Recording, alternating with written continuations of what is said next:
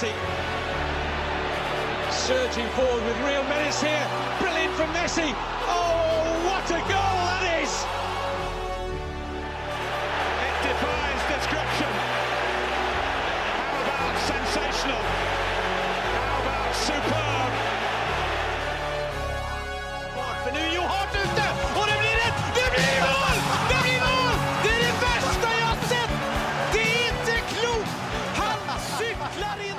Ja! Vi er tilbake!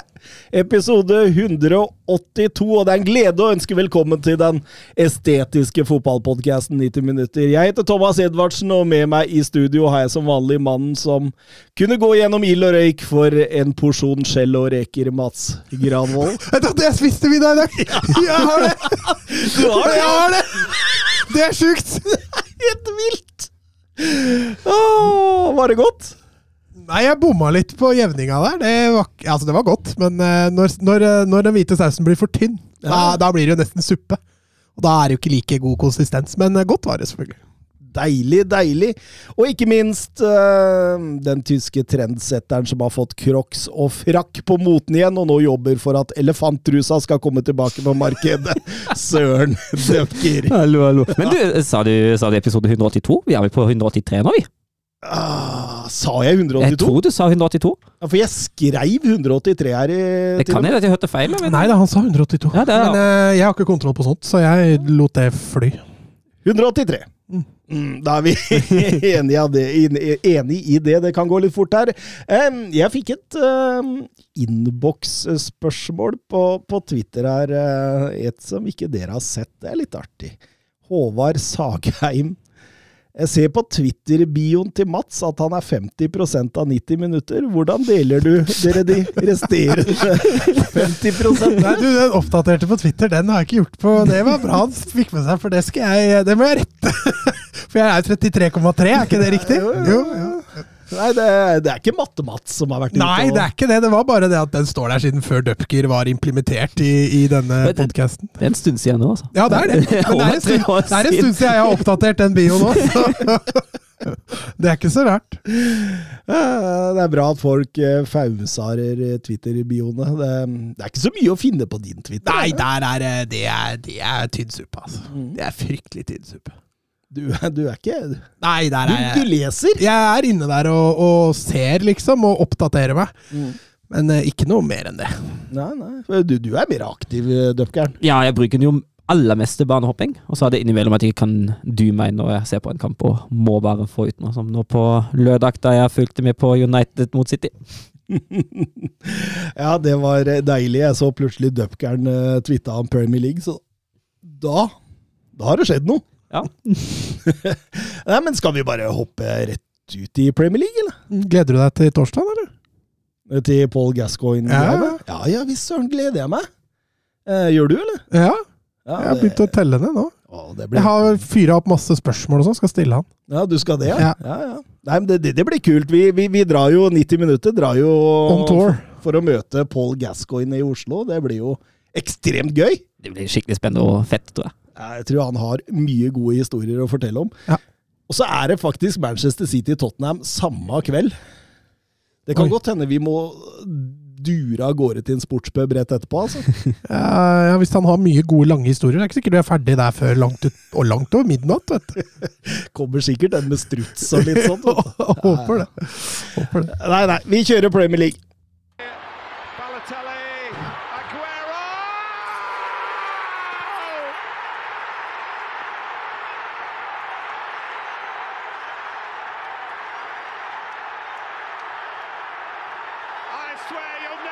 Anything like this ever again. So watch it, drink it in. They've just heard the news at the Ja Storkamp på Old Trafford. Det var eh, by-derby, de blå mot de røde. Det, det bruker som regel å, å, å skje litt, og Det gjorde det nå, si. Ja, men ganske traurig i første omgang, eller? Ja, jeg, jeg syns jo, jo vi har jo sittet og slakta Ten Hag etter 3-6-kampen. At han uh, hadde den uh, mannsmarkeringen sentralt som lot seg ut, dra ut av posisjon. Og jeg syns jo han justerer og lære godt fra den kampen da. Uh, For ja, han har fortsatt Fred Casemiro Eriksen veldig, veldig tett på Rodri, Silva og De Bruyne. Men de følger bare i de sentrale sonene. Så de lar seg ikke dra så lett ut av posisjon. Så det er jo det er litt sånn mannmarkering uh, møter sonemarkering, kan man nesten si. da. Innen en viss sone er det mannmarkering, men så snart de forlater den sonen som spillerne skal følge, så følges de ikke. Og da, da holdes linja bedre, og da er det fryktelig mye vanskelig for City å dra de spillerne ut av posisjon. Og når man da er så unøyaktig med ball, når man slår så forventninger som City gjør i første omgang, eh, når man holder på ballen litt for lenge, uh, særlig Cancelo syns jeg utmerket seg veldig negativt på den fronten der i første omgang, da blir det vanskelig å bryte ned. Så spiller Brauno litt dypere, så de har alltid en i overtall. Så det hjelper, eh, det hjelper veldig. Ja, helt klart. Helt klart. Eh, Han hadde gjort hjemmeleksa si til en Hag her for å stoppe tilførselen til Haaland, og, og og rett og slett ta ut det kreative og, og presse dem ut på sidene. og når du, når du ikke engang dobler på sidene, sånn i, i første omgang, da, så, så, så blei det jo veldig lett egentlig å være Varan og, og eh, kompani der. Company, spilte han Var ikke Luke Shaw? Han var faktisk veldig Ja, god. han var bra. Han var veldig god. Ja. Hva er det, hva er det som har skjedd med Luke Shaw? Plutselig så, så er han Englands beste stopper, jo. ja. Ja, nei, altså konkurransen utenom Martinez ikke er aktuell, så er jo ikke den så veldig høy heller, da. Men eh, jeg er enig, han kom veldig godt fra Han har kommet veldig godt fra det, faktisk. Det er, det er eh, 0-0 til eh, pause, og Alex Bjørkan han har et spørsmål til oss. eh, Når eh, Haaland ofte kommer dypt og henter ball, er det et tegn på at motstanderens taktikk funker? Eller er det for å trekke forsvarslinja høyere og åpne bakrom? Jeg vil jo si begge deler. Eh, at han i det hele tatt må ned, betyr jo at han er, som du sier, kutta av tilførselen, Uh, og ikke får ballene da han egentlig hører hjemme. Uh, men jeg tenker også at det er en bevisst taktikk eh, av Pep om å dra ut og prøve å dra folk ut av posisjon og åpne litt rom. Ja, jeg tror ikke det er tilfeldig. Altså, Haaland møter ganske ofte. Eh, selv når forsvarsrekka til United står høyt, så detter den litt ned. Men det, det ser jo nesten litt bevisst ut at de sjelden bruker den.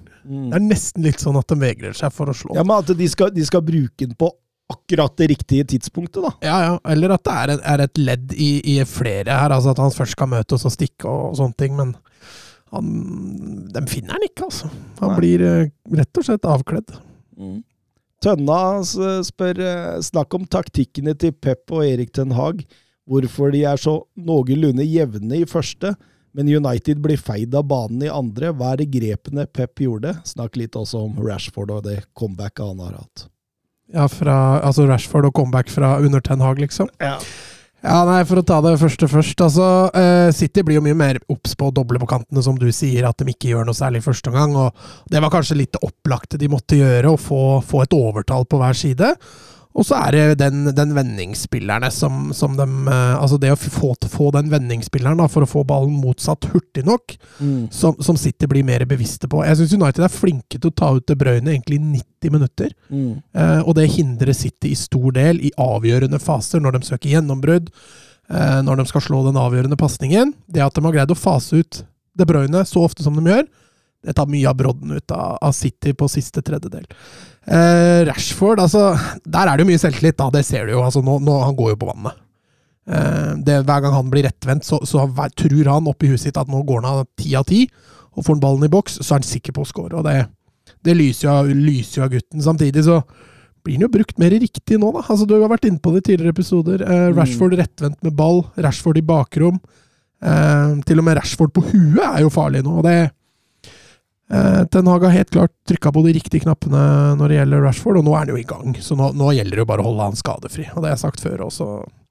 Bare holde han skadefri, så kommer han til å skåre nesten et mål per kamp. Ja, helt klart. Jeg er helt eh, enig med deg. Det, det var en gang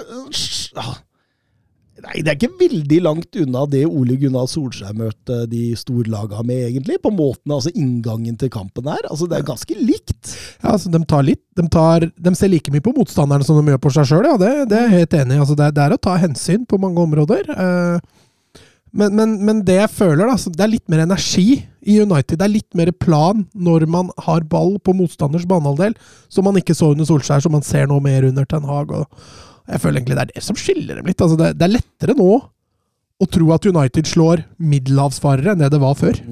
Men det er, det- er litt lettere å si til Casemiro òg at eh, du enn det var til McTominay og Fred. Det, det må jo sies, selv om Fred spilte en helt ok kamp. eh, Men sa, samtidig, altså, det, det, er jo, det er jo under Solskjær at en midtbane ikke har blitt oppgradert heller. Mm. Ja, ja, helt klart. Og det er jo mye av den som gjør jobben og, også. Men, men City tar jo ledelsen. Ja, og da er jo den uh, doblinga på kant uh, som spiller en stor rolle. Da Walker som blir litt mer sentral. Uh, skape opp, åpne opp litt mer rom i andre omgang. Uh, og, og så er det jo et fint angrep. Litt sånn, uh, litt sånn, en, litt sånn klassisk City-angrep, eh, som man ofte ser. og Grealish, så fort han får ballen på den etter innlegget fra De så kan det egentlig ikke gjøre noe annet enn å skåre. Nei da, den var grei, eh, grei der. Og da leder City, og da Og det er jo litt fortjent etter altså, Ja, ja, ja. etter, etter, etter andre omgang, selv om United var klart nærmest i første. Ja, ja, absolutt. Eh, De, de kommer jo ut i annen omgang på en helt annen måte her, og, og, og trykker jo United bakover i banen. Eh, tror jo ved det 1-0-målet at det der var det gjort, men eh, Ja, og det, det, det er jo altså City Jeg føler jo også at etter 1-0, de ti minuttene der, har jo City egentlig ganske god kontroll på det hele. mm. Det ser jo ikke ut som at United skal egentlig klare å komme tilbake fra det ut ifra hvordan kampbildet har utviklet seg. Nei, nei, for all del. Altså, det, altså Etter scoringen nå, så har jo City veldig bra kontroll. Og så, og så skjer jo dette som blei altså, eh, kanskje årets eh, snakkis, i hvert fall eh, så tidlig i januar. Årets, årets dommertabbe òg. Jonathan Hobber, regner med dere tar for dere 1-1-målet på Old Trafford. Kom med fasit. Og der, det er en ball igjennom til Rashford. Han er i offside, og han løper eh, etter ballen i offside-posisjon en god stund. Eh, så kommer Fernandes bakfra, eh, banker ballen i mål. Ikke, 1-1. ikke offside. Jeg tenker at den er klink offside. Uh, jeg tenker at Rashford Altså, det var jo Aves Skullerud som var ekspert på Vias, Viaplay. Han var jo veldig opptatt av at Rashford er jo aldri borti ballen, men han trenger ikke være borti ballen for å være delaktig i spillet. Og jeg mener at Rashford har blitt ekstremt delaktig for egentlig alle de tre City-spillere som er involvert i en situasjon. Han skjermer ballen fra Kanskje. Uh, Walker må, må ta hensyn til, eh, til Rashford og komme ut på etterskudd mot Mm, Fernandes. for, for, Walker hadde sannsynligvis kommet foran eh, Fernandes eh, i den situasjonen der. Ja, og Edason, Altså, jeg har jo det har, jeg vet ikke hvem, hvem som poser det, men på Twitter var det et sånt fint bilde av skuddsituasjonen. Uh, hvor både Rashford og Fernandes egentlig lader opp til skudd, og så står Ederson der. og Altså, hvordan skal han vite hvem skuddet kommer fra? Og, og da har du jo involvert deg. Da er du jo delaktig i spillet. Mm. Så det er jo Og, og, og dommere de, de gjør jo helt riktig. De blåser offside. Og så eh, går eh, hoveddommer bort til linjedommer, og, og de blir enige om at Rashford toucha aldri ballen. Jeg tror ikke han går til VAR engang. Nei, det går veldig fort, i hvert fall. Fra han blåser offside til han gjør om avgjørelsen til scoring. Eh, og hvis han får på øret fra VAR om at den er Rashford aldri borti, så har jo VAR blanda seg borti noe de aldri skulle tatt på i. Og dommeren gjør om en korrekt avgjørelse til en, i mine øyne, feil. Og da VAR ute og kjører. Altså, går, altså jeg tenker jo altså, vi Først og fremst viser det jo elendig spillforståelse av de som avfyrer dette her, fra dommersiden. Ja, Men har United-spillere òg, eller? Ja, ja, ja. ja. Eh, vi kan jo fint ta Bruno Fernandes, for jeg, jeg har litt på hjertet angående ham nå. Uh, oh, deilig, deilig. Nå skal jeg Nå har jo godeste Vinicius Junior Han har jo fått gjennomgå litt grann før, uh, men jeg syns nå nesten altså nå, nå begynner Fernandes å irritere meg. En spiller som har filma seg gjennom Premier League i sin første tid, jeg syns det har blitt litt bedre nå, men overspiller egentlig enhver situasjon han blir tatt i. Uh, har aksevond hver eneste gang. Eh, På en annen side, i den kampen her i hvert fall, har en del stygge taklinger. At han går ut av den kampen uten å i det hele tatt ha fått gult kort, er jo et mirakel. Og så er han bort i dommeren på hver eneste situasjon som går ham imot, og som man kan kanskje finne en 10% åpning for at det kan, kan gå for meg. Alltid førstemann der, alltid den som klager mest høylytt, som er hissigst, og jeg er så lei det deg. Slutt! altså Oppfør deg som en fornuftig fotballspiller, og når du sjøl driver og filmer og overspiller hele tida og prøver å Nei, veit du hva? Bedra bedrageri, altså det er det han prøver på. Bedrageri på banen ved overspilling og filming, og så går han bort til dommeren og klager hver gang noe går ham imot. Altså, skjerpings! Er ikke det litt moderne nå? Jo, men jeg hater det. Det er det verste jeg vet, når spillere oppfører seg sånn. Nei, en ting han, er, er- han er litt sutrete. En, en ting er den filminga, ja, men, men den klaginga til dommeren, er ikke det Ja. litt populært? Ja, men altså, den, den kombinasjonen da som irriterer meg. Arsenal fikk vel bøter, de, for Ja. å omringe mm, dommeren inn mot Newcastle, blant annet. Ja, fint. Jeg vil fortsette med det. Altså, jeg kan fint leve med at spillere er litt, er litt hardhøysa og uh, altså litt sånn, litt sånn Sergio Ramos-type. Uh, men når det kommer da filminga som Sergio Ramos også driver med, og, og, all, den, og, og all den der oppå altså, det- blir litt for mye. Altså, det er det, jeg føler at det blir noe hyklersk i den spillestilen, da. Jo, og, og det er greit, men, men mitt, når jeg hører du prater nå, Søren, så tenker jeg eh, Men er ikke dette en dommertabbe? At han lar han få drive på sånn gjennom hele kampen? Jo, det er jo bare å vise ned et gult kort, så, så stopper det jo. Selvfølgelig er jeg jo helt enig i det. Så, så det, egentlig så er det jo dommeren som lar han drive på sånn, da. Men- det, det, det, Det er litt for mange dommere som lar det gå, ikke sant. Du ser jo Arsenal mot Ja, vi skal vel dit også. Det er, det er jo folk rundt dommeren. He, nesten hver avgjørelse, så jeg, jeg, jeg skjønner ikke at dommere gidder dette her, altså. Nei, det, er- det, det er merkelig, altså. At det, fordi det, det, altså, det, det, det beste Det beste verktøyet de har, da, det er jo det gule kortet. Mm. Det, det, det, det får ikke noe innvirkning på matchen, sånn i hvert fall. sånn. Og, og, og du, du kan få slutt på det. Altså Det samme gjelder drøying av tid, sånne ting som det. Hvorfor smeller de ikke bare opp det første gule kortet? Altså, Det venter så lenge! Ja, og, og, og, så, og så virker det jo sånn i hvert fall drøying av tid. Da får du ett gult kort for, og når du har fått det, så er du, er du ferdig. Sånn kan kan drøye så mye du vil. Du blir aldri utvist. Nei, det er, det er veldig, veldig merkelig, men uh, utrolig nok så klarer faktisk dommere å gjøre en korrekt avgjørelse til en feil. Uten at VAR eh, blander seg inn, og da står det 1-1. Og jeg kan jo forstå at City-spillere er relativt oppgitt over det, men enda mer oppgitte skal de bli fire minutter etterpå. Ja, da, Men da, da snakker vi jo slett offensiv markering. Jeg syns jo City slet i første omgang med den offensive markeringen, særlig bak bekkene. eh, Bak de offensive bekka. Og City, City går jo i angrep igjen. Vil vinne den kampen, vil ta de tre poeng. Må jo kanskje også det med tanke på at Arsenal senere har en, eh, eller dagen etter en kamp. Eh, og så er det litt sånn de svakheter som man så litt i første omgang, i den offensive markeringen som var fullt tilbake, og Garnaccio på venstrekant, han får jo autobahn. Slår den rett i Akanji der. Ja. Får to sjanser. Ja, får Prøv to igjen. sjanser. Prøv igjen. klarer da til slutt å, å, um, å runde Ake der eh, og sende inn foran mål, og der dukker jo selvfølgelig Marcus Rashford opp. Men han har jo allerede fullført løpet sitt når Mm. den første pasningen ikke går. Ja. Så når Garnaccio får igjen ballen, og så, får, så har han jo en kjempefordel. Rashford. Ja, ja. Når City-forsvaret faller inn der, da står han jo med et mils omkrets i ledig rom. Rashford eh, har skåret 67 Premier League-mål. 27 av dem har vært matchvinnende skåringer. Det vil si at i overkant av 40% av hans mål gir matchvinnerskåringer til Manchester United. Altså, det er ingen med 50 mål eller mer i Premier League som er i nærheten av det Marcus Rashford er. Det er det, altså, Det går også litt på at United ofte vinner med et mål. da. City og Liverpool har, jo, har jo litt større seire. Ja. Har hatt det i det siste, i hvert fall.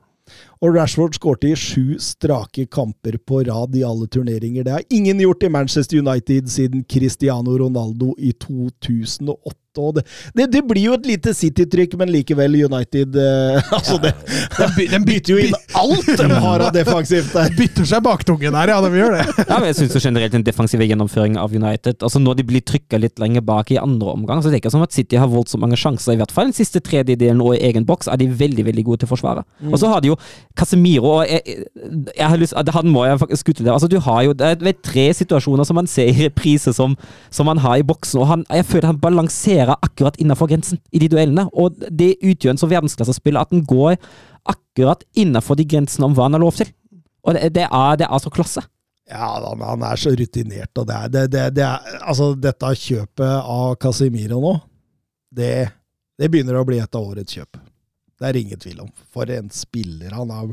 Altså, og så, og så blir det altså Det er litt som når Manchester United kjøpte Bruno Fernandes. Det blir så markant når du har et, altså du har et stort, stort, stort høl å tette, og så kommer det verdensklasse inn i det hullet og tetter. Altså, det blir så merkbart, da, kontra hvis de hadde fått inn eh, La oss si en uh, Ndidi, da, for eksempel. Her kommer det verdensklasse inn i, en- en- en- på en del av laget som virkelig trenger forsterkninger. Det, det, nei, det er, bare- det er bare å hylle det han driver med nå. Ja, det er litt artig tanke på slutt, når United begynte å bytte defensiv. Hva tror du, hvis, hvis, hvis United hadde bytta inn sin andre keeper der, tror du det hadde fungert? Jeg satt, jeg satt og lo for meg og tenkte Hvis Tom Heaton tar ballen i hånda der, så står det Gea ved siden av han. Hadde, hadde, kunne dommeren ha gjort noe, da? Hadde han blåst hands? Eh, men, men, men tenker du at Tom Heaton er en utespiller som går i mål? Nei, han bytter inn to keepere! Ja, men det går jo ikke an. Det er jo ikke lov. Det er ikke lov, nei. Ja, men, hvem, hvordan skal dommeren vite hvem av dem som er keeperne? Du har ikke lov til å ha to i keeperdrakt på banen. Å nei, du har ikke lov til det? Nei, ok. Nei. nei, da går den morsomme tanken litt i grus. det. Ja, hadde tatt seg ut. Ja, det hadde vært dritfett han bytta inn Tom Heaton, som stått med to mann i mål. Da kjører du defensiv tilnærming, altså. Jeg tenkte mer at du tenkte på han som en, en som tok på seg en Manchester United-drakt og skulle stå i mål uten å kunne bruke handa. Ja. Oh, ja, sånn, ja. Nei, det, det hadde ikke sett like morsomt ut. Nei, Det hadde vært mye artigere om han hadde stått der med to keepere. Eh, Vebjørn Fredheim, Manchester City har ikke løsna et skudd på mål på 187 minutter fra åpent spill. Hva er det som skjer, egentlig? Grealish sin heading teller den som Den teller vel som skudd på åpent, på, åpent spill, gjør det ikke? Ja, nei, Men, altså, men, altså, tar bort den, da. Ja, men, men jeg, tror- jeg syns heller ikke det tar bort uh, poenget uh, hans, fordi uh, Har motstanderen begynt å, Finne ut av Haaland. finne ut av litt av at hvis du får kutte ut Haaland, må du kutte ut de, de, de offensive tilførslene? Ja. Altså, jeg var litt innpå det nå etter den uh, skjæret til Shield-kampen mot Liverpool. Uh, hvordan man ser åpenbart at Haaland er en brems i City sitt oppbyggende spill, etablert angrep og sånne ting. Men han er et monster i boks. Så hvis du greier da å ta bort den biten av Haaland, så spiller jo City med, med nesten en mann mindre, for han er litt begrensa i det åpne spillet. Så 19 touch hadde han i løpet av kampen. ja, men det er det ikke stort sett det han ligger på. Ja, men det er det jeg sier. Altså, du, du tar fra, altså, når de 19 toucha er på midtbanen og, og Støttepasninger Ja. og Han hadde et skudd som ble blokkert der av Casemiro, vel, når han ropte på straffe, men det var ganske tynt, uh, tynt ja. Uh, men, men City har jo ikke ballen så mye i boksen til United, så da, da forsvinner jo styrkene til Haaland bort, da. Helt enig. Eh, Ole Haaland på Twitter. For å bygge videre på dette United-laget for å bli en skikkelig utfordrer til gullet neste sesong, hvor bør man forsterke? Jeg tenker jo i hvert fall én spiss. Nå er jo ikke Vord Weghorst en, eh, en verdensklassespiller, selv om vi hyller jo overgangen. Uh, Blir, overraska om han er nier neste sesong. nei, det, det er akkurat det. Og, og, og, mål da, nå på vei inn til sommeren. Ja. og, en, og selv om uh, Aaron Van Bissaka nå unektelig faktisk har sett bedre ut enn på lenge Enn eh, ever, ja, faktisk. ja. Eh, tenker jeg også at en høyre back bør være en, eh, en kandidat til forsterkning der. Ja, altså er det litt sånn hvordan han har tenkt. Da skal han fortsette med Eriksen i en dyp rolle sammen med Casemiro, eller skal han frigjøre en, en rolle der? Og så har du da denne venstrebekk-rollen, da, som Malasia har jo fremstått ok, men det er ikke noe verdensklasse så langt. Shaw har vist seg å være bedre som stopper enn som back, Men kan de, altså, tenk, tenk, altså hvis, man, hvis man spiller med Varane og Martinez, er det vel naturlig at Shaw tar den venstrebekken igjen. da. Ja, men har Shaw vært så veldig god på venstrebekken siden Solskjær dro? Nei, han presterer stort sett kun under Solskjær, han. Ja, det, men, ja, hvis ikke han spiller stopper. Ja, ja. Nei, for all del. Så det er jo Eh, ting å gjøre der, men jeg er enig med Søren. Altså, nier, det skriker jo det laget der etter, og Hva med en keeper som er litt bedre med ballen i beina? Jo, det hadde jo vært en god idé, det òg, men jeg tenker at det er litt sånn den siste byggeplassen de hadde begynt på. I hvert fall så lenge de Rea er en såpass god skuddstopper som en er nå. Benjamin på Twitter. Etter det utrolig treffende tweeten eh, til eh, Har Erik Den Haag slått Pep, Klopp, Arteta og Conte?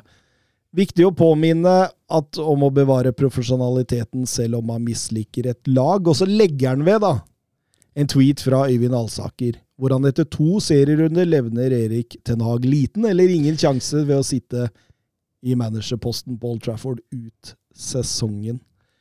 Eh, det, altså, altså, selvfølgelig lukter det når alle veit at uh, Alsaker er Liverpool-supporter, men å trekke så tunge konklusjoner etter to kamper som det der, der det, det virker litt merkelig. eh. Vi har jo hele tiden sagt eh, at eh, de trenerne de må få tid. Potter nå, han må få det- Du bygger ikke Du bygger ikke bygger ikke Roma på en dag, er ikke det det man ikke, det eh, gjør ikke sier? det, altså. Det gjør ikke det. Jeg er helt enig. Eh, Å trekke sånne konklusjoner etter to runder. Vi sa vel det, vi òg, at dette her kommer til å ta tid. Men jeg tror også vi, i hvert fall jeg, er litt overraska over hvor fort dette har gått nå. Den, Det har gått fortere enn man Ja, den formen her er, er jo ellevill. Nå, nå slår de jo alle.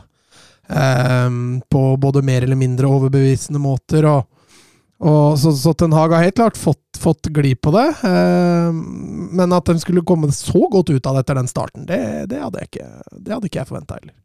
Nisselue på. Han eh, vil at vi skal snakke mer om VAR i lys av situasjonen eh, eh, på Old Trafford i helga. Og han tar også med den Wolverhampton-Liverpool-episoden. Ja, Ja. Den, var det Tok de det på måfå når de tok den offsiden? du må jo ha gjort det. det. Jeg så ingen bilder jeg, som kunne verifisere Jeg så litt sånn bilder på Twitter etterpå at uh, Nei, det var veldig rart. Det var veldig rart. det var, Jo, for det var VAR i den kampen. Mm. For dette var FA-cupen, Ja, Norge. ja, ja. For det var ikke, det var ikke VAR i alle FA-cupkampene? Nei, ikke i de der ah, hvor, Men der hvor det var Premier League-lag og sånn, så skal det vel ha vært det. Okay. ok. Jeg er litt usikker. litt usikker. Men uansett, det var VAR i den kampen, og eh, Nei, du kan jo ikke forstå hva konklusjonen de kom til her. Det, det går jo ikke, det, men, men ah, Vi har jo brukt mye tid på dette med VAR fra tid til annen, og konklusjonen Eh, som vi alltid ender opp med her i studio, da, det er jo at eh, mange fotballregler går på skjønn. Og så lenge det er mennesker som tar de avgjørelsene i VAR-bussen, så, så, så vil det ende med en del feil. Men så, så, er det, så kan, jeg, altså, jeg kan jo skyte inn at altså, Kan jo diskutere straffespark og hands og røde kort og gudene veit, men at noe så simpelt som offside ikke fungerer heller. Jeg syns jeg er litt skremmende. For offside er egentlig ganske svart-hvitt. Eh, enten så er han spiller delaktig i offside, eller så er han ikke det. Det er litt sånn mål, ikke mål. Så kan det ta litt grann lengre tid å finne ut om en spiller er i offside, fair enough. Men at man klarer så ofte nå å havne på feil konklusjon der, det skjønner jeg ikke. Altså, den, den Wolves er, er nesten litt skremmende. Ja, men det er jo også denne at de ikke går inn og retter på Jeg føler jo at det er litt sånn med- 1-1-målet her. Jeg føler at det i det nivået som uh, Esten ville være mot, mot Norwich eller Watford, der ballen var i mål. Mållinjeteknologien ikke fungerte ikke, og hva så på det bare igjen hvis mållinjeteknologien ikke fungerer, så hva får vi gjort? Liksom. Altså, det er liksom på det nivået der, føler jeg. Altså, når noe så simpelt ikke funka. Det er, altså, det er bare skrot hele greia. Altså. Hvis uh, du fikk bestemme nå, Mats, i morgen Bort med VAR! Ja, Ja. er, er du der òg? Ja. Vekk! Få det bort. Mm. Jeg, også, jeg, jeg, jeg syns det er mye enklere å svelge dommerfeil om du blir avgjort på i løpet av et par sekunder der og da, enn at du blir avgjort på fem minutter hvor man eh, viser slow motion fra absolutt alle typer vinkler. Det, det, det, det er mye enklere. Så da, bort med det. Mm. Eh, Brighton-Liverpool. Det var mye bråk rundt Trossar. Han har kommet på kant med, med Di Serbi eh, og ikke, var ikke med i troppen her nå. Og så kommer den agenten ut og blander seg. Jeg syns det, så- det er så dårlig vibes, da. Mm. Det gir så dårlig Mister litt sånn Jeg skal ikke si jeg mister syns ikke det er noe mindre morsomt med Trossar for det, men du mister litt empati for den, liksom. Du, Mm. Plutselig tar du side med Fordi bare pga. agenten åpner kjeften, så, så mister du det. Eh, så nei, altså eh, Trossar eh, Trossar vil jo bort. Eh, og det, og det Brighton er ikke, var ikke så villig til å slippe den før kontrakta gikk ut, og da, da ble det krangling. Mens Liverpool har sine problemer, spesielt med skader. Ja, det var jo Det, og det laget som, som stilte der, det var jo det beste som de nesten hadde tilgjengelig. Uh, og klart uh, og særlig, altså, En stoppepar av Konaté og, og Mate på Oxlade Chamberlain på venstre kant. Det, det skriker ikke Premier League-gull av det der, altså. Men likevel, det er ikke Du nevner skader som et stort problem. Ja, det er det jo selvfølgelig, men, men Liverpool er så langt unna identiteten sin. Altså, Mm, det, det, er, det, er, det er så skremmende å se. Hvor har man gjort av Liverpool? Hvor er Klopp-fotballen, liksom? Nå er det jo bare Det er bare rør! Ja, altså, altså jeg tenker, altså, I den kampen der, de er jo dårlige både med og mot ballen. Er jo helt katt, altså, De klarer ikke å etablere mer enn tre-fire trekk i eget spill før ballen er borte vekk igjen, fordi Brighton klarer det som Liverpool ikke klarer, nemlig sette et ordentlig press og legge press på Liverpool. Og det presspillet der, med de fire smale, som inviterer Brighton til å spille seg rundt og inn og forbi og altså Nei, det er, det er fryktelig. Eh, Så, så en video av Liverpool i glansdagen etter Klopp, og hvordan de kontrer. Mm. Hvordan, når de vinner ballen Tre, fire, fem, seks spillere i full sprint Mm. mot motstanderens mål. Hva, hva, hva skjedde? Nei, det nå er eh, det, det, det, er, det, er, er faktisk flatt batteri. Jeg, og jeg tror det er nettopp det det er. Det er flatt batteri. Jeg tror Altså, det, det, det det er så vanskelig å se hvordan man skal klare å komme tilbake til det akkurat nå. Med den organisasjonen, med den treneren, med det spillerapparatet som er der nå. Jeg tror liksom på en måte eh, eh, Det er vel Pochettino har vel snakka om det noen ganger. Jeg tror Klopp har gjort det også. Guardiola- og Guardiola. Ja. Hvordan du på en måte til slutt blir mett, da. Mm. Og det er jo her kanskje Ferguson er nummer én på akkurat det der Men han management. fornya hele Det var akkurat det jeg skulle fram til. Altså Det å fornye laget, da. Altså Superstjerner som Beckham, Roy Keane, eh, Ruud van Nistelrooy, Japp Stam Alle disse var, hadde en begrensa periode på Old Trafford. Og det var ikke snakk om nå, da, hvor Liverpool må jo nesten bytte fem-seks mann. Mm. Han bytta én og én nesten i sesongen. Mm. Og det gjorde at du hele tida fornya. da. Du hadde noen travere, da, som Gary Neville og Giggs og Scholes og sånn. Så så det fins jo selvfølgelig regler om, eller unntak òg, men eh, nå er det så gjennomsyra i Liverpool at, eh, at eh, det må skje noe drastisk. Og hva er lettest da? Å bytte seks-sju spillere, eller å bytte treneren? Mm. Mm. For Jeg er helt enig med deg. Nå, det ser helt dødt ut. Det Mm. ser helt ferdig ut. Og, og, og på 2-0 der, Brighton har egentlig vaska gulvet med Liverpool eh, i, i, en og en halv omgang, så, så skal Klopp gjøre noen bytter. Og, og, man prøver å snu kampen da med Gomez, Keita, Elliot og Doke. Men, altså, men da, da, da altså, ja, det er, det er det ene, men det andre altså, i, altså, det føler jeg jo, altså, Du ser jo i første omgang Klopp er jo en fantastisk fotballtrener, og han ser jo hvilken utvikling det er i kampen. Og så synes, altså, ja, Han justerer, han går jo litt over i en sånn 4-1-4-1 i presspill og, og tar presset litt bredere mot ballen og alt det der, men altså, det, det var jo egentlig dags med noen bytter til pausen allerede, tenker jeg. Ja, men Det er litt hva han må bytte inn her nå. Det er litt Jo, sånn som du med Conte med Tottenham, for bare hvor liksom du må bytte inn juniorlaget ditt. Da. Og der, der er jo han litt nå. Han bytter inn B-lag og juniorlagsspillere. Og det, Men altså, jeg, jeg vet ikke, altså, jeg er ikke helt enig. Altså, vi har, jo- altså, både, både Keita og Elliot har jo hatt, uh, hatt kamper der de har egentlig vist Ja, men det, er- det er ikke spillere som kan snu en kamp. Nei, det er jeg helt enig i, men altså, det var jo, hvis han hadde bytta til pausen, var det, ikke, var det ikke nødvendig å snu. Det handla om, om å dytte kampen i riktig retning, for da var det fortsatt 0-0. Og det er det jeg reagerer litt på der.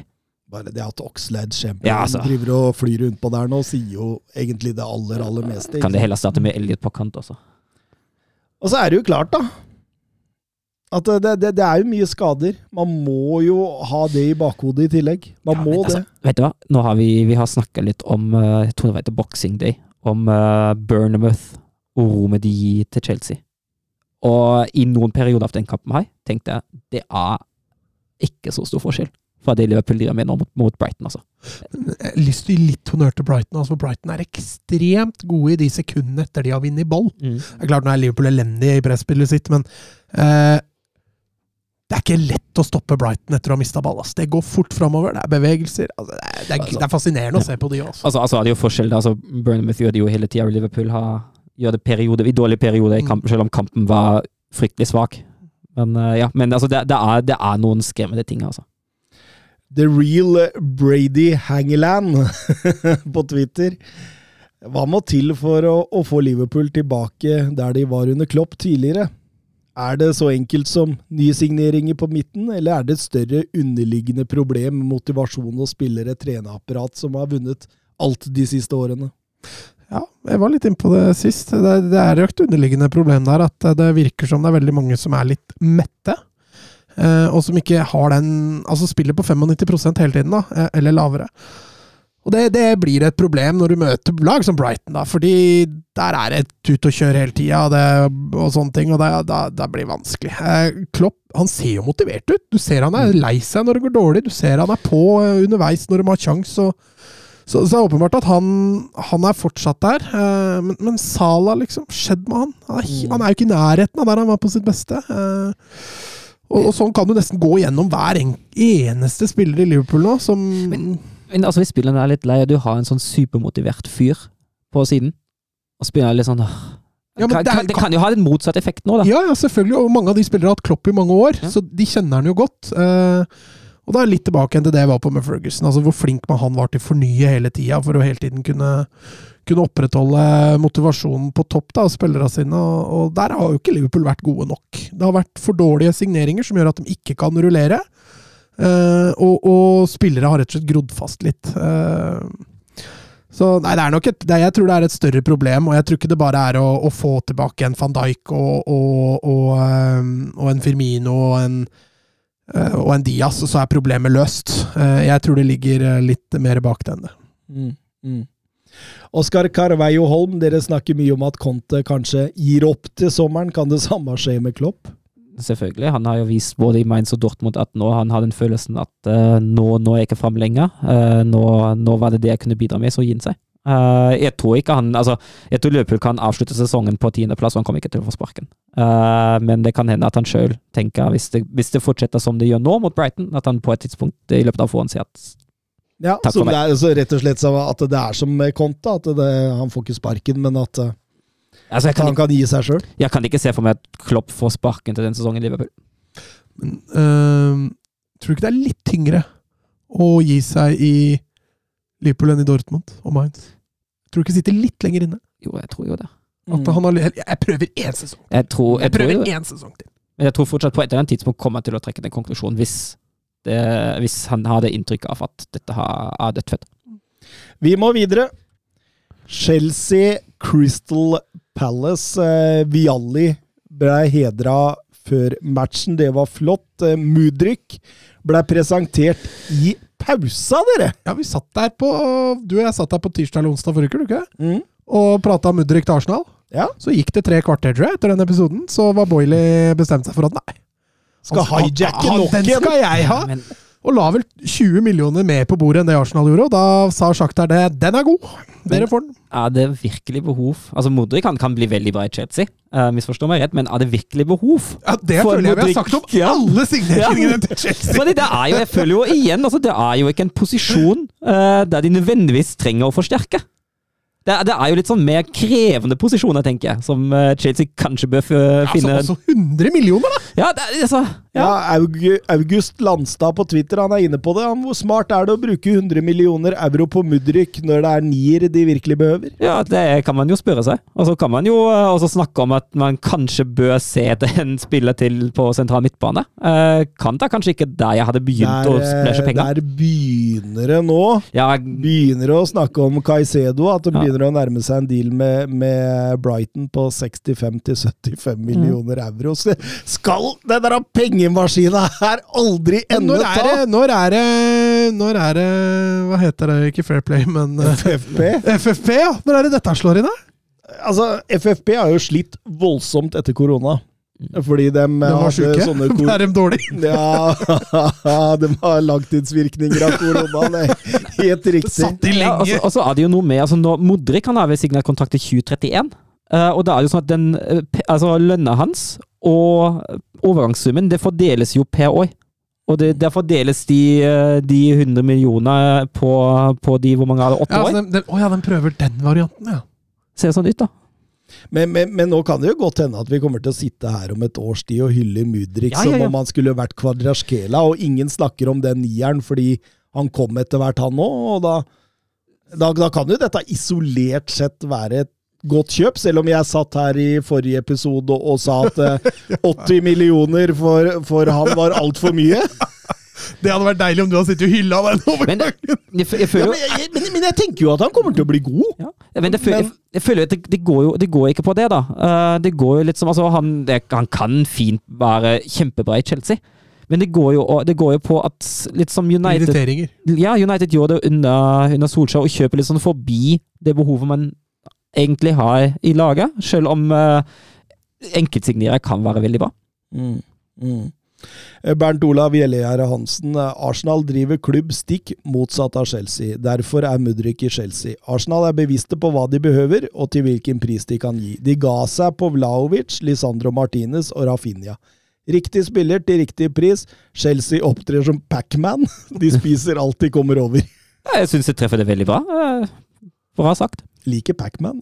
Ja, han er fin, da. Ja, ja, ja. Men, men, men ja, for all del. Eh, Arsenal driver klokt. De lar seg ikke stresse av en eh, klar strategi de har. Eh, De, eh, de, de veit at de skal ha type, hvilke typer de skal ha inn, til hvilken økonomisk eh, eh, ja, kan du si parametere, og, og, og Chelsea tar alt og alle. Det, det, det er jo egentlig godt oppsummert. Ja. Så når det kommer et stort rykte neste gang nå om en eller annen spiller som skal til en eller annen klubb, så veit vi at han ender opp i Chelsea.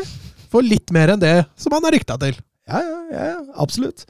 Caicedo han var rykta flere steder, bl.a. Liverpool. Nå ender han opp i Chelsea, muligens. Og for 10 millioner euro dyrere enn det Liverpool var villig til å gi. Men, men med Caicedo så vil de i så fall treffe et sted de trenger en Ja. eh, forsterkning, da. Og det, det, kan bli, det kan bli veldig bra. Mm. Kan se for meg at uh, Caicedo under Potta, uh, som man kjenner litt fra før, uh, det, kan, det kan bli bra, altså. Men nå er det vel snart 42 mann på treningsfeltet til Chelsea, er det ikke? Ja, Potta, Potta sa vel noe i media nå at uh, det, altså, man, Han sa vel at nå har vi ti skada spillere, eh, og vi kan ikke erstatte hver en som har skada med en ny spiller, for da blir troppen vår altfor stor. Og, og med de ordene så kan man jo gå inn i kampen med å si at uh, Potter rullerer voldsomt Ja, til Ja. denne kampen mot Palace. Ja, han prøver også noe nytt igjen. Uh, han uh, fortsetter å eksperimentere, kan vi vel kalle det. Badiashil får debuten sin. Hall fortsetter på venstrebekken. Har vel kanskje sin svakeste kamp i mine øyne etter at han har fått en del spilletid. Og Chukwumeka starter vel i en tierrolle som gjør at Chelsea blir spillende veldig skeivt i første omgang. Eh, og, og, tar, og det, det det plager dem litt offensivt, for de, de mangler breddealternativ motsatt når Hall fomler bort ballen gang Mm. på gang som han gjør er der. han som skal komme rundt. Det er jo han som Og han får mye rom. Mm. Hadde det vært der en venstrebekk med litt Hadde det vært en Cancelo da, på den sida i form, så hadde jo antagelig Chelsea skapt mye mer. Så planen fungerte jo ok, men eh, utførelsen fungerte ikke. Jeg, jeg syns uh, Gallagher gjør en veldig veldig bra kamp. Uh, jeg syns han fungerer veldig fint som uh, bindeleddet eh, mellom eh, det defensive og det offensive i frispilling. Jeg syns han beveger seg godt. Jeg syns han finner rom. Han støter stadig vekk inn i rom som er ledige. Han, eh, han bidrar godt til eh, den overloaden på høyresida som du er inne på, Mats. Eh, jeg syns han, eh, han er strålende. Mm. Jeg savna litt han i en indreløperrolle. Jeg tror han kunne passa bra der. Så, så sitter man jo på 0-0 der og tenker at ok, Chelsea er best, de produserer mest, har mest ball, men man føler det skal så lite til for at Sa, Ese, Olise At de lager noe trøbbel. da. Altså, kampen står jo og vipper litt. På grunn av får de denne overgangen sin der da. Og så er Shaloba Hall er ikke vært veldig god én mot én heller, og det, det hjelper jo ikke på når du, når du har disse driblesterke gutta, gutta rundt deg der. Jeg syns det er litt rart at det tar en omgang før han flytter Saha ut på kant. Mm. Det syns jeg han burde gjort mye tidligere. For Saha blir spist opp i midten der. Silva og, og for så vidt Badiashil gjør jo en veldig god match uh, i, i senter der, men de sliter jo mer på bekka. Altså Shaloba også er jo en vandrende feilpasning, og det det kunne eh, Palace ha utnytta bedre. Eh, Saha ut mot Shaloba der tror jeg kunne blitt ordentlig heisa, heisa meg rundt hvis de hadde gjort det tidligere. Mm. Men eh, det er Kai Havertz. Ja, det, det er jo litt ironisk, fordi uh, jeg føler jo en av de tingene vi snakket om den venstre sida som ikke helt fungerte på vendinga, men jeg syns jo også den tilstedeværelsen i boksen hadde, den vært, hadde, Chelsea hatt en, eh, en ekte nier der inne, tror jeg de hadde tatt ledelsen allerede før pause. Eh, for liksom, jeg føler at det var også litt den som mangla. og så byttes jo inn Aumeyang og Havertz skyves i leddet bak for nettopp øke den tilstedeværelsen i boksen, og så likevel to minutter senere Kai Havertz som stanger den inn. Mm. Mm. Var, litt, på corner, eh, var på corner. Var på kortgående, ja. ja. Litt, uh, litt ironisk, det hele. Deilig, men det var sving, et- deilig svingting av Syerts der, da. Ja. Rett på panna hans der. Men, men det var et Jeg syns det var et smart Altså Aubameyang, for all del. Det finnes sikkert mange andre bedre alternativer, men det er bare det å få Havertz ned Mm. Du ser hvor mye skapende han blir med en gang! Mm. Som en slags sånn nest siste spiller. Ja, jeg tror vi kan avskilte Havertz som en god falsk nier. Jeg tenker at, eh, altså, at uh, han er en av de beste i, på, på, på markedet i, i tierrollen, eller i, i Mm. rollen bak der. Mm. Uh, ingen tvil om. Og jeg tror liksom Skal du få maks ut av Kai Havertz, så, så, så, så må du ha han i den der toerrollen bak der, da. Og, og, men, men, men nå er det liksom Stirling, Mudrik, Pulisic, Siech. eh, Ziyech, Nkunku kommer. Mason Mount. Nkunku kommer. Mason Mount, ja. Chukwumeka. Det er, det, er, det er så mye, da. Og nå hørte jeg faktisk at de skulle lytte på bud på Stirling òg, så kanskje de har gitt opp han allerede. Veit ikke. Ja, men det kunne jo vi sagt til dem i sommer. Vi, vi, vi kunne jo for så vidt gjort det. Eh, Palace eh, Chelsea kanskje litt heldige. Palace ikke helt på i Nei, ikke, kampen. ikke helt på. Altså, du ser jo, de, Etter 1-0 de bytter seg jo litt mer offensivt, uh, men det som skjer er jo at Chelsea får litt mer rom. Jeg syns jo egentlig etter at det står 1-0, at Chelsea seier aldri i reell fare. Chelsea ikke før helt, helt på slutten. Ja. Der, altså, Tiago Silva virker jo å ha en ballmagnet i panna der mot slutten. Mm. Han er jo på alt. Posisjonerer seg jo fryktelig smart i boks. Altså, han, han, han står jo der ballen lander, hver gang. Han er så intelligent. Så det er klart, 38 år på en fotballbane, det gjør jo noe med, med rutinen din. Står der som 45-åring òg. Han skaller Ja, ja. ut de ballene der. Han bør ikke løpe, han bare står der ballen lander. Det er helt vilt, altså. Det er, det er, det er, altså eh, hvis du er ung midtstopper i Norge i dag, og du skal liksom se og lære av de beste, ta en titt på Tiago Silva. Yeah. Det, det tror jeg kan Og det, der tror jeg du kan gå tilbake til PSG-tida òg. Det er mye å lære der òg. Mm, helt klart. Nisselue på. Føler spørsmålet fra forrige uke står seg godt. Eh, Hva er Chelseas taktikk på overgangsmarkedet? De kaster penger etter alle andre klubber. Eh, Så mye var drømmen om å spille for Arsenal verdt for Mudrik. Ja, det var, vet du hva, det var min første tanke òg. Var klar. Altså, han har uttalt at eh, Arsenal var drømmen og Arsenal favorittklubben. Og så går det fem minutter, og så er Chelsea vi hørtes greit ut. Han ville til Premier League. Ja, ja. Altså, han ville jo bare ut av, av sjakk der, og det Altså eh, Du og jeg hadde vel også sagt mye rart for å få spille i, i Chelsea, så så eh, vi skal vel ikke laste han for mye for det, men eh, ja, det er Chelsea sin overgangstaktikk. Akkurat nå er det å få mest mulig gode spillere til dyrest mulig pris, tror jeg. Den eneste røde tråden jeg ser, det er at de kjøper ungt. Ja, det er en fordel. Mm. Man har spillere med potensial som man kan bygge videre på. Men jeg er helt enig, det er ikke mye råd for det. Kjøper ungt og gir dem lange kontrakter. Så det Nei, nei, for all del. Eh, veldig, veldig spennende. Jeg så en lytter var ute på Twitter her, Jørgen Nystuen. Han var oppriktig bekymra. På, på, på Twitter. eh, Og jeg, jeg kan jo liksom se tankene hans, for det virker nesten sånn Todd Boiley spiller fotballmanager, altså. Det, det, det, Med en cheat. Fordi når jeg starter, så får jeg aldri 13 millioner å kjøpe, milliarder å kjøpe spillere for. Ah, så Så RB Leipzig var ute og bekrefta en Koko-overgangen i sommer òg. Nei, dette blir stygt. Vi fortsetter. Ja, Tottenham-Arsenal, det er enda styggere. 193. London Derby i rekken. eh, Tottenham fikk eh, tilbake viktige Kulisevski, også Rikarlison på benk, mens Bentancour fortsatt ikke var klar, og, og Papé Matar Sarr måtte inn på hans plass. Det var en relativt jevn første fem-ti minuttene før Arsenal virkelig Ja, jeg syns jo den uh, brydde, hvis man vil kalle det Tottenham-spill For jeg er helt enig, de første fem var jeg egentlig positivt overrasket over Tottenham. Uh, var jo bra presshøyde og sto godt etter, Uh, og så ut som at det kunne bli en litt mer åpen kamp enn jeg kanskje trodde på forhånd. Brydde kommer når Nketi har sin første store sjanse. Da, fra da av var Arsenal totalt overlegne. Ja, for all del. Og når Hugo Loris kaster ballen i eget mål på 0-1 der, så Ja, det er forferdelig å se på. Det er klart han får en forstyrrelse der fra, fra Cézinho som toucher den ballen, men altså i Premier League så skal samtlige keepere Det, det ser ut som han blir overraska. Det ser ut som han Oi, og så hva skal jeg gjøre med den ballen? Så det er en, det er en stor keepertabbe, og en keeper som jeg allerede har snakka om, er, er på vei ned og ut. eh, og det Igjen så starter jo Tottenham da kampen på, på 0-1. Ja, det Son har en sjanse rett etter der. Det kunne det blitt 1-1. Da, da Ja, den er stor. Den er veldig stor. Det er stor. fantastisk av RSSNJ som Ja. spiller den gjennom der. Fantastisk at den ikke slår den på første, men venter av å ta sånn isteden, som da blir for mye mer plass. Veldig god vurdering av. For jeg er ikke sikkert han gjør det med vilje, men pasningen er i hvert fall med vilje, og det, det er klasse. Ramsdale, altså. Han hadde en god kamp òg. altså i andre omgang, den ene redningen han Men mot, foten der, den mot Cézinho, Åh, ja, åh, nydelig. Det er klasse. Men Arsenal kjører som man kjenner Arsenal egentlig denne sesongen. Det er intensivitet, det er trøkk, man står etter, man vinner duellene og rett og slett altså, man, man spiller lag eh, bakover i banen. Ja, og det, det, det synes jeg var Jeg jeg leste, eller så en statistikk. 31% av Arsenals eh, angrep ble innledet sentralt, og det er en veldig, veldig høy verdi. Eh, og den sentrale, den sentrale midtbanen for Tottenham den fungerte ikke i det hele tatt. Og selv om, selv om prøver jo han prøver jo å skyve både Son og Kolosevskij eh, ganske smalt uh, utover i kampen, men uh, det er noe med de bevegelsene til Arsenal.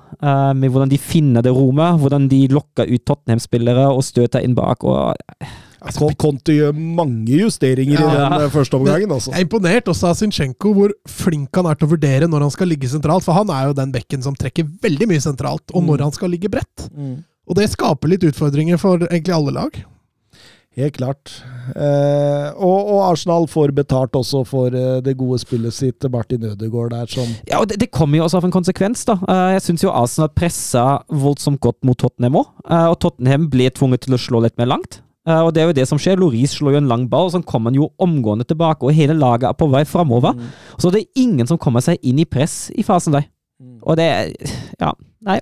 Øydegaard får jo hav av rom Ja. sentralt der, og kan bare føre og føre. Og han brant jo et skudd tidligere der som Loris redda fantastisk, og det, nå, nå fikk han det til bedre. Mm. Mm. 2-0 til pause, man tror det er kjørt, og så kommer Tottenham ut i 100 med mer trøkk, mer intensivitet, kan du si. Både Trodde du det var kjørt? Ja, jeg gjorde det egentlig. Gjorde du det? Ja, jeg trodde ikke det skulle komme tilbake der, men, eh, men du kan jo si det sånn at det blir jo et sceneskifte, rett og slett. Altså, Ja. Det blir jo så to forskjellige omganger. Ja, første 60 Ikke første 60, men de første 30 30 av andre omgang, så er det Tottenham som hadde bestemt seg for at vi skal gi det en real sjanse. Og det, det er litt synd at den begynner så seint, for det er jo dette de må gjøre fra, fra starten av. Så er det klart det at det blir litt mer forsiktig for Arsenal. Da. Det er jo som Ødegaard sier etter kampen, at har du dominert første gang, så blir gjerne andre gang litt annerledes. Så det, det har med at motstandere justerer litt. Det har med at eh, motstandere kan justere aggressivitetsnivået sitt. Altså, men men jeg, jeg, jeg har problemer med å se og skjønne hvordan Tottenham klarer å prestere to så like omganger nesten i hver kamp. Jeg, jeg klarer nesten ikke se det. Nei, det er, det, er, det, det er helt utrolig, faktisk. Man kommer stort sett ut i annen omgang også, så bare gønne på. Første omgang er flatt, Mm. stort sett. Nei, det er veldig, veldig merkelig. Ja, altså, altså, altså, altså er det jo noe, noe så rart, fordi jeg syns jo Altså, det er jo igjen Altså, jeg syns jo kampen starta bra. Uh, sto godt etter, var aggressive og høye og tett på i presset sitt også når de står høyt. Eh, og så er jo det vi ser i andre omgang òg.